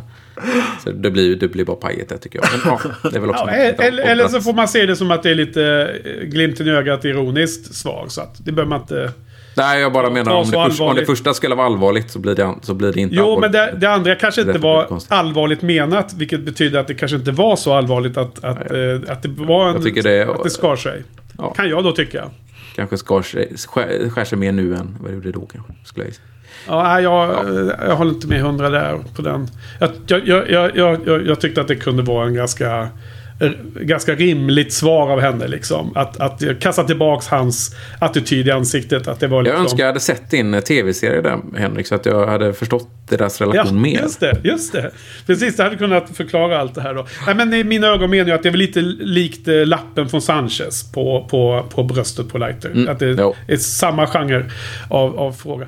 Um, Okej, men eh, Tanner då? Det gissar jag att du har mycket tankar om, Patrik. Ja, jag älskar ju när Tanner är med. Ja, han är bra. Eh, alltså, och det är ju som han är med i så många böcker. Då. Och det är ju, eh, det jag pratade om innan i, i böckerna, så är ju de typ bästa kompisar och, och så här då. Eh, men, och så jag älskar ju när han är med. Han har ju bara varit med egentligen i en film innan. For Your Eyes Only. Men nu kommer han vara med i, eh, ja, med två Brosnans-filmerna och sen är han med i nästan alla Danny Craig-filmer tror jag. Ja. Så jag gillar det. Det. Ja, det, det är en jäkligt bra scen med när de går igenom och M dyker upp första gången. Mm. det där. Ja, men absolut. Eh, jättebra scen. Ä- Även om det är som ett sånt simpelt skämt att eh, nu står chefen bakom ryggen på mig va. Men det funkar ju bra och det är en funkar. härlig intro där tycker jag. Ja, Joel, comments on above? Nej, alltså M är ju intressant. Eh, hon är ju en grym, grym skådespelerska och det, det märks ju att om, om James Bond-skådespelarna har haft input på sina roller så känns det som att hon också har haft det. För att de här, de här tidigare M har ju mer varit så här, ja vart är mitt manus? Och så går de in och kör lite grann. Alltså de är duktiga också. Men, men det känns ju som att hon har, hon har ju begärt lite mer backstory och lite mer... det- Alltså det känns som att hon är en helgjutnare karaktär. Eh, än liksom en, en lite gubbig chef. Som de andra kanske har varit lite mer av. Ja, jag, jag älskar M i hennes, i hennes eh, version, version av M. Verkligen. Och jag tycker att det höjer den här filmen och eh, flera andra eh, kommande. Och jag tycker att hon på något sätt får som en story arc på något sätt mellan filmerna. Va? Ja, det är det älskar jag Jag- också. Jag älskar också Judi Dench eh, och vad de gör med hennes karaktär. Och det var ju också en grej de tänkte på inför den här rebooten då att ah, två, två män pratar liksom ett uppdrag i ett kontor. Fan vad tråkigt. Vad, vad kan vi göra åt detta då? Ja. Ehm, och det här var ju, dels så lät de henne bli en kvinna. Uh, MI5s ehm, chef blev ju en kvinna bara något år innan. Så att det är ju taget lite från verkligheten också. Eh, de fick sin första chef där, eh, det var ett eller två år innan eh, den här filmen kom. Var det Ehm, också en numbers... Eh, var det, numbers queen eller vad de kallade henne? Oklart, jag vet faktiskt inte riktigt. Nej. Ehm, men eh, så nej, så jag gillar det. eh, verkligen. De har ändrat lite grann. MI6, MI5, vad, vad är som är skillnaden egentligen? Har, är det någon som har koll MI, det? MI6 är uh, utrikestjänst och MI5 är inrikestjänst. Ah, så det är Lite grann som CIA och FBI. Ja, just det. Jag skulle säga det. Ja, det, det är samma. Du har koll på det. Eller KGB och GRU på den gamla goda tiden. Just det. Mil militär. Eller nej, där var väl militär och, och tjänst. Men, Ja. ja. men eh, inrikes utrikes. Så det är därför Bond egentligen, egentligen inte får ehm, göra något uppdrag i England. Säga. Aha. Det är militär under underrättelsetjänst i alla fall i båda fallen va? Från början, ja, Military Intelligence eh, står ju det för. Men ehm, Ja. ja, Ehm, hon får ju fortsätta jobba med när, när Daniel Craig tar över. Men, men liksom gör man reboot på karaktären då på något sätt? Eller är det samma M som eh, jobbar vidare eller? vilka Alltså, det är då? Benn. Jag vet, ja, Ja, vi, vi, Ah, alltså... Jag har, jag har faktiskt inte googlat det här. Så att det är, egentligen kanske det här är något vi ska diskutera i samband med Casino Ja, men Royale. Patrik sa ju det. Låt oss ta det den Ja. första gången hon dyker upp hos Daniel Craig. Mm. Så kan vi förbereda den diskussionen. det blir bra. Eh, som, som teaser så var det en... en ehm, fladdrade förbi något på internet om att, eh, det var, att de, de var olika karaktärer som hon spelar. Att det inte är samma M. Det är Mm. olika versioner av M. Då får, vi, då får vi komma ihåg Joel och Patrik. Får du hjälpas Jajamän. åt att komma ihåg detta. Det kommer vi ihåg. Okej då, men eh, lite mer allmänt. Vad har vi mer för aspekter av filmen som ni vill lyfta? Och lite, lite fritt, free for all om olika eh, spaningar och aspekter som ni har. Patrik, du, du har några grejer. Jag har några grejer, men jag tänkte bara säga det vi pratar om, vi pratar om actionfilmer. där, Den här bungyjumpet som görs i första filmen. Eller första Ja. scenen. Ja, Eh, Det är ju första gången man ser ett bungyjump eh, så i fokus liksom i en stor film. Så också Ja. så här lite udda fordon, om man ska kalla det liksom. eh, Fast udda action, ja. Bond, ja precis. du har nämnt det förut ju. Ja, att de, Att de ofta eh, introducerar nya grejer. Men Mm. har ni sett någon behind the scenes på detta? Eh, jag, jag minns inte om jag har sett det. Däremot så var jag ganska nära det stället när jag var i Schweiz. Eller när vi, du var ju också på samma ställe där. Jaha. Eh, så det, Den här dammen, är det i Schweiz det eller? Ja, precis. Eh, Det är möjligt att de har gjort någon, någon matte painting så att de, det ser lite annorlunda ut i bakgrunden. Men själva eh, dammen finns där och man, har, man kan bungyjumpa därifrån också. Men var, var är där någonstans? Jag, jag kommer inte ihåg att jag visste Eh, om att det I fanns Schweiz något. någonstans. Jag kommer inte ihåg exakt vad det heter. Men, eh, så när jag var i närheten så var det lite sådär, ska jag åka dit och köra bungyjump? För liksom jag tänker att om jag någonsin ska köra bungyjump så är det ju där, självklart. Men eh, som, som tur var så hade de inte öppet eh, just då. Så jag slapp ta det beslutet. Men, jag men vet ju vadå? vad det hade blivit. Så, så, ute. de, så de har gjort en grej av att man kan hoppa bungee jump där Pierce Brosnan gjorde det? Ja, efteråt då. Ja, precis. Ja, Eh, ja, okej. gjort lite- och, och det är ju inte öppet hela tiden, men jag vet att de är öppet ibland. eh, Så här. Nu, nu vet jag inte om det är, är, finns fortfarande idag, men det var, här var ganska många år sedan. Eller, Eh, Joel, är du sugen på att köra det? Eh, vi, vi, vi kan eh, starta en sån här Swish-insamling, Patrik, du och jag. För att Joel ska åka ner till Joel ska göra det, ja. Ska ja, göra bungee jump eh, Golden, Golden Eye-dammen. Precis. Men, Nej, det, men det, sen- måste vara, det måste vara någon form av trickfilm. Alltså, För den, den, den ser så jävligt hög ut när de filmar nerifrån. Det är nog och något upp, perspektiv där man... upp längs hela, eller hur? Ja, det är säkert. Ja, alltså det-. Det, det är ju också beroende på vilken eh, lins de har filmat med också. Det går ju att trolla. Jag tror att de använder mycket. något sånt för att det ska se värre ut. Liksom. Ja. Absolut. Nej, men någonting som är viktigt att prata om är väl namnet då, vi, vi, av filmen då, Goldeneye. Vi, vi pratade Ja. om det förra gången att nu börjar titlarna, de användbara titlarna ta slut. Just det. Men de har fortfarande i vissa filmer tagit något som har anknytning till Bond. Och Goldeneye är ju jätteanknytning för det var ju det huset som Fleming bodde i och skrev alla Bondböcker i. Just det. På Jamaica där. Ehm, så det... ehm, Så det, där har de tagit därifrån.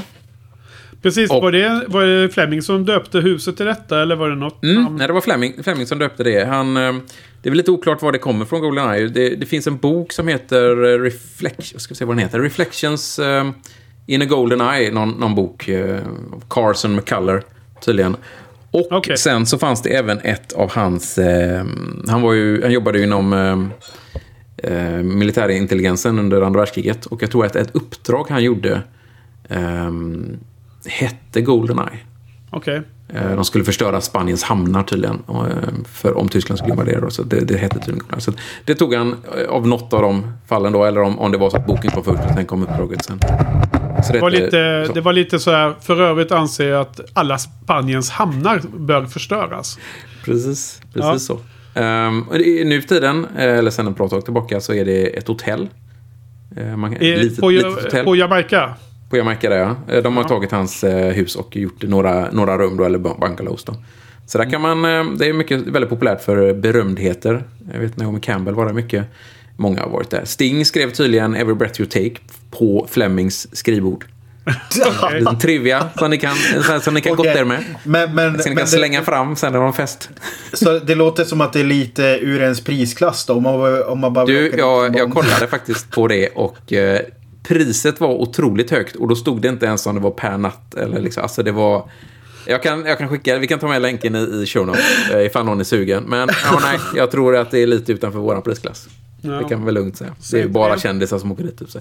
Ja, nej, Henke, du kanske har oanade resurser. Nej, jag ska ju lämna in tra, travrader i eftermiddag. Så. Ja, just det. Det- Joel drar in storkovan där och så drar han till Jamaica. Räcker med en V75 och sen är det bara åka, Joel. Så. Vi, du och jag blir medbjudna. Vi ska spela in nästa poddavsnitt där borta. Ja, Det precis. jättebra. Det låter jättebra. Så här på vintern åka dit. Liksom. Det är pandemin som stoppar det bara. Det är inte pengarna utan det är pandemin. Det är det. Ja. Ehm, Tala om andra referenser Joel. eh, Du nämnde någonting om några eh, dataspel eller tv-spel eller vad heter det? TV tv-spel. Ja, eh, det är faktiskt så att... Jag skulle nog vilja påstå att Goldeneye-spelet till Nintendo 64 är fortfarande den mest lyckade eh, film till tv-spelsadaptionen eh, i historien. För det är ett fantastiskt spel faktiskt.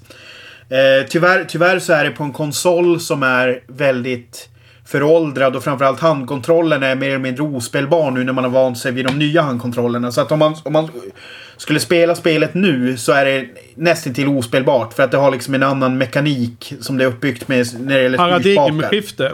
Ja, precis. Men eh, jag, spelade, jag spelade spelet extremt mycket när jag gjorde lumpen. Eh, uppe i Boden. Eh, och då, då brukade vi hyra ett, eller vi hade nog ett Nintendo 64. Och så spelade vi väldigt mycket på, ja, mot varandra. Det är ju sån här multiplayer-grej. Så att jag, jag blev rätt bra på det. Alltså de andra var också väldigt duktiga. Men det blev en grej sen att när jag eh, började plugga så umgicks jag med ett gäng. Lite så här... Eh, de var ett ganska tight gäng. Och eh, där, där vi även då brukade, alltså de, är- det, om ni tänker så här en friends-konstellation liksom. En vänner-konstellation. Och jag var liksom inte del utav den utan jag var liksom en, så här, en yttre ring. Men hängde med dem ibland. Och då, då var det så The här, Naked... eh, vad var det han Ja, hette, grannen? Ugly naked guy på andra sidan gatan. Ja, och vad heter det? I alla fall då så, så hade ju då en av de här hade ju en, en Nintendo 64 och Goldeneye. Och då var det ju då så här, äh, han var ju van att vara Det var bäst. din väg in. Nej, grejen var ju att det blev lite dålig stämning för att jag var ju så jävla bra på det. Alltså det blev, han, man märkte att han hade ju typ aldrig förlorat innan. Men, eh, men det blev ju så här, eh, alltså han fick ju verkligen... Ja, han typ höll ju på att slänga kontroller och fick verkligen behärska sig för att inte bara bli totalt så här... eh, Okej. Men man, man jag- spelar mot varandra då, eller? Ja, det, det finns en multiplayer-del, men då är det ju split screen så att man ser ju varandras. Ehm, så att det, det, är ju, det gör det ju ännu svårare kan jag tycka. Alltså att eftersom man ser varandras skärmar också. Gömma men, men jag kommer ihåg att det var enda gången som jag riktigt har känt så här, fan här är jag riktigt jävla dominant liksom. Så jag fick ju sitta och hålla mig från att inte göra, alltså från början så skämtade jag ju sådär och så. Men sen så fick jag ju sluta med det för att det blev... Det mottogs dåligt. ja, precis. Det finns ju något inom eh, social kompetens där också. Att eh, eh, värdera hur mycket man ska, hur många, eh, många en tävlingar man ska, vi, man ska vinna i rad. eh, Och sen emot eh, hur stor chans det är att komma in i gemenskapen. Ja, men, du, Ja, men för det finns ju såna här grejer där man kan plocka upp armor och sånt så att man tål fler skott och sånt. Jag gjorde ju alla de där grejerna så att det var ju... Ja, alltså jag kunde ju kartorna utan till för jag hade spelat så mycket i lumpen. Eh, så att, men men eh, spe, spelet är fantastiskt och jag skulle säga att det, det är eh, en del utav... Om man nu ska snacka om någon slags dataspels Hall of Fame så, så står det sig väldigt högt bland gamers. Även om det inte är spelbart på samma sätt längre tyvärr. Sen finns det en massa licensskit som gör att det aldrig kommer släppas i samma form igen heller. Eh, tyvärr. Mm. Men Patrik, Det- eh, spelar du eh, tv-spel Patrik? Eller? Ja, jag spelar egentligen alla Bond-spel som kommer på de konsolerna som jag har. Jag har aldrig haft Nintendo 64, så jag har aldrig spelat... eh, Jag har spelat ett annat Goldeneye på PS3. Fast det var ju säkerligen något helt annat. ja, jag tror att de gjorde någon... Är inte det att det, det är typ Danny Craig som är typ... Ja, det är det som är så roligt. Ja, exakt. Eftersom det är Pierce Brosnan i filmen och Danny Craig i, Ja. i, i, film, i spelet. Då. Jag, tror det, jag tror det är den som de har tagit. ja, de har tagit det är någon... gjordes, det innan han fick eh, jobbet som Bond? Nej, nej, nej. Utan det, Nej, det är ju något efter- som har ja, kommit ja. sen. Jag tror, jag tror det är Goldeneye. Det är någon sån... eh, Jo, men det är, det är, en, eh, det är en rättighetsgrej, rättighetsgrej också. Eh, jag har hört talas om den här remaken. Mm. Okej. Eller re... Vad kallar man det? Jo, men det är väl en remake typ. Eller, Ja, men precis. Den heter Goldeneye Remake eller Revival eller någonting sånt. Ja. Ja, Ja, men du, eh, något som Mm. jag tänkte jag skulle lyfta är ju att eh, den här Bond-låten är ju lite spännande. Det är ju eh, Tina Turner. Ehm, och jag tycker den är helt okej. Eller den är ganska bra faktiskt. Den är nog på över halvan skulle jag säga. Det ska bli spännande att höra vad ni tycker om den alldeles strax. Men jag la märke till eh, för första gången vem, vem, vilka, en duo som har skrivit låten. Har, så, såg ni det eller? ja det Det var är ju kul, kul liten trivia. Så säg. Ja, nej men det är absolut.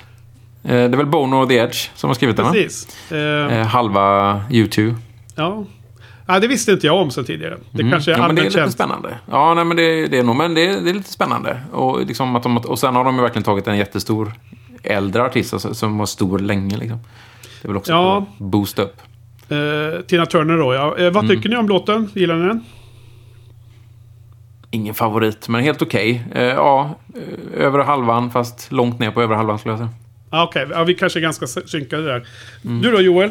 Jo, absolut. Jag, jag tycker om den. Alltså det jag verkligen älskar är hur de har klippt in första tonerna i eh, när eh, flygplanet flyger iväg. Alltså att det, det, det, det är någon sån här grej att de första tonerna av musiken börjar i samband med att planet just flyger ut innan, bild, liksom. innan uh, title-sekvenserna börjar. Exakt. Ja, men det Ja. stämmer nog. Ja.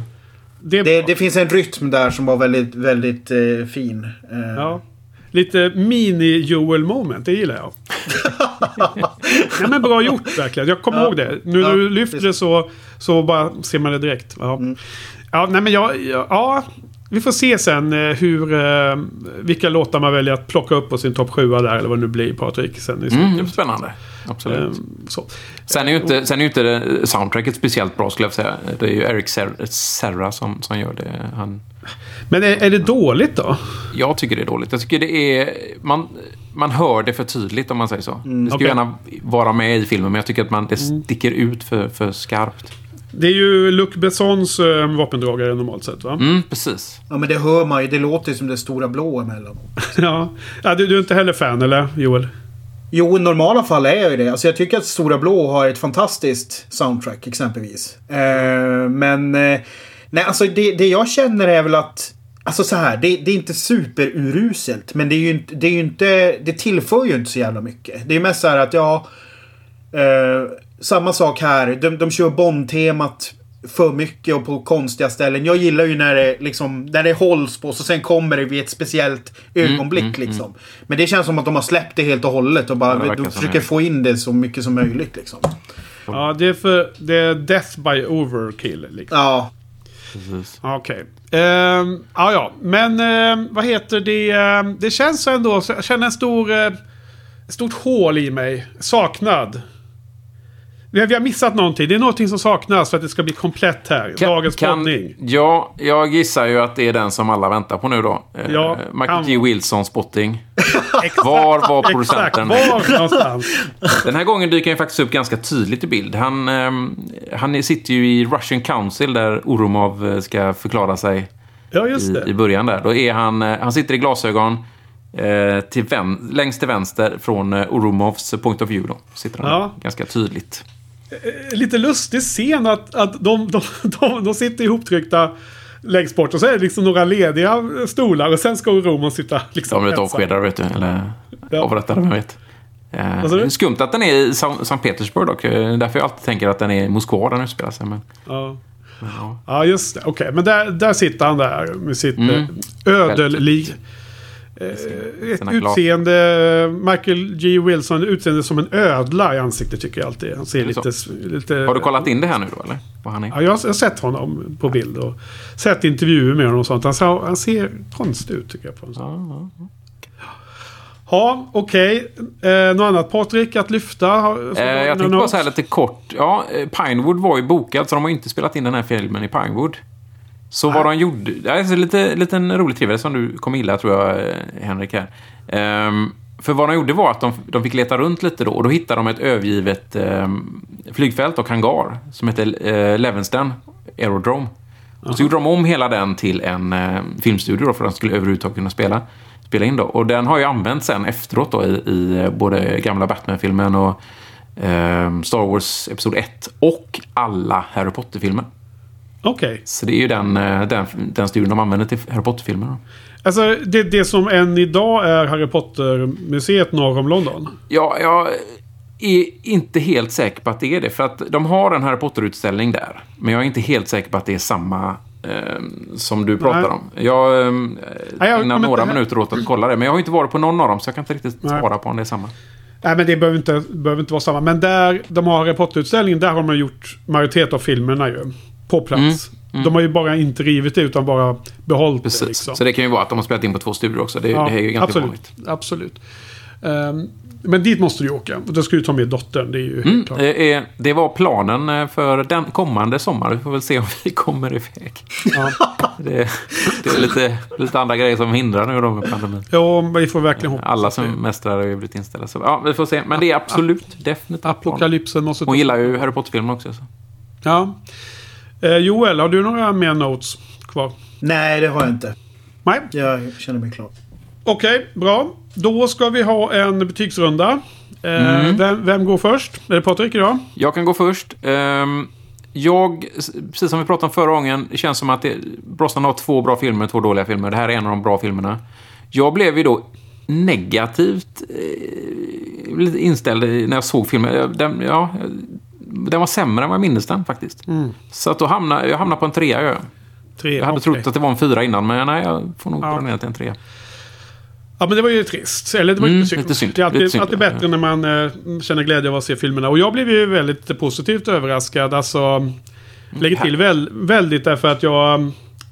Jag blev väldigt överraskad därför att jag hade ändå ganska hög förväntning på den. Så kunde ändå bli överraskad positivt. Och då, då, då, blir, då blir känslan att det var ju väldigt, väldigt bra.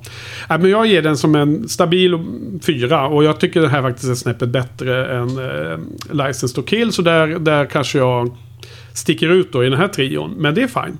Väldigt olika. Eh, vad, vad tycker du då Joel? Eh, för, först, jag kom faktiskt på en grej. Eh, Ja. Som jag... I samband med att jag såg om Bond-filmerna i våras. Så när jag hade kommit till Goldeneye så sket jag i se den därför att... ehm, det, det snackades om att Pierce Brosnan skulle göra en, en audio commentary. Alltså på grund av pandemin. Och, och nu, av någon anledning så missade jag det. För jag hade tänkt se den med det liksom. Eh, Okej. Så jag vet inte om den ligger uppe. Men det var någon av de engelska tidnings... Eh, alltså tabloiderna som gjorde någon sån grej. Så jag vet, den kanske kan vara värd att leta upp om folk är intresserade. Bara, bara för att han, han, han har nog aldrig gjort en commentary annars. Utan det är liksom bara för pandemin och att det är som det är. Liksom. Han har inget Ja. annat för sig. Men om ni, eh, om ni eh, hittar något av detta så mejla den till mig så kan jag lägga in i show Yes. notes. Eh, när det gäller betyg så är jag helt på Patriks bana. Eh, jag var förberedd på att jag... Eh, att den antagligen inte skulle leva upp till mina höga tankar om den sen sist. Men jag har nog aldrig kunnat liksom konkretisera tydligt hur jag har känt liksom att, att någonting har blivit... Att jag upplever det som lite sämre. Så att jag är helt på ditt spår där. Så att för mig är det väl att den... Tidigare har det alltid varit liksom en solid fyra men eh, den här gången så blir det en trea. Okej. Yes. Ja, ett rejält steg ner eh, i medel och sådär jämfört med förra veckans film. Men eh, eh, det är som det är. Eh, Okej, och eh, jättebra. Eh, vi börjar närma oss avrundning här då. Eh, blicka framåt. Vad har vi nästa vecka att se fram emot Patrik? Vi har eh, Tomorrow, Tomorrow Never Dies. Eh, Som bland annat, eh, det kan ni om ni kollar då, innehåller ju då min eh, TV, tv-seriestjärna Dr. Kaufman. Just det, just det. Dem. försnacket. Mm, Dr. Ja. Kaufman. Just det. Eh, är det någon film ni ser fram emot att se om? Återbesöka? Nja, det är väl ett ont måste. Nej, men, den, har, den har vissa höjdpunkter, eh, men eh, Ja, Alltså- ja, vet, kanske inte så många. Alltså grej, grejen är att eh, Brosnan film 2 och 3, alltså för mig är de alltid, de är som så här riktiga tvillingfilmer. Jag, håller, jag har jättesvårt att hålla dem isär och sådär. Så att det ska bli intressant att se vilken Du av dem kommer det är. hålla isär dem efter den här omtittningen, tror Efter jag. våra analyser tror jag det. För mig är eh, ettan och trean de, eh, de bra filmerna för, på Brosnan. Så jag, vi får se. Jag har väl inte jättehöga förväntningar. Okej, men då säger vi så. Tack för idag Joel. Tack Patrik. Och Tack, tack. tack. Tack, tack. Och tack till publiken och på återhörande om en vecka. Yes. Bye, bye. Hej hej.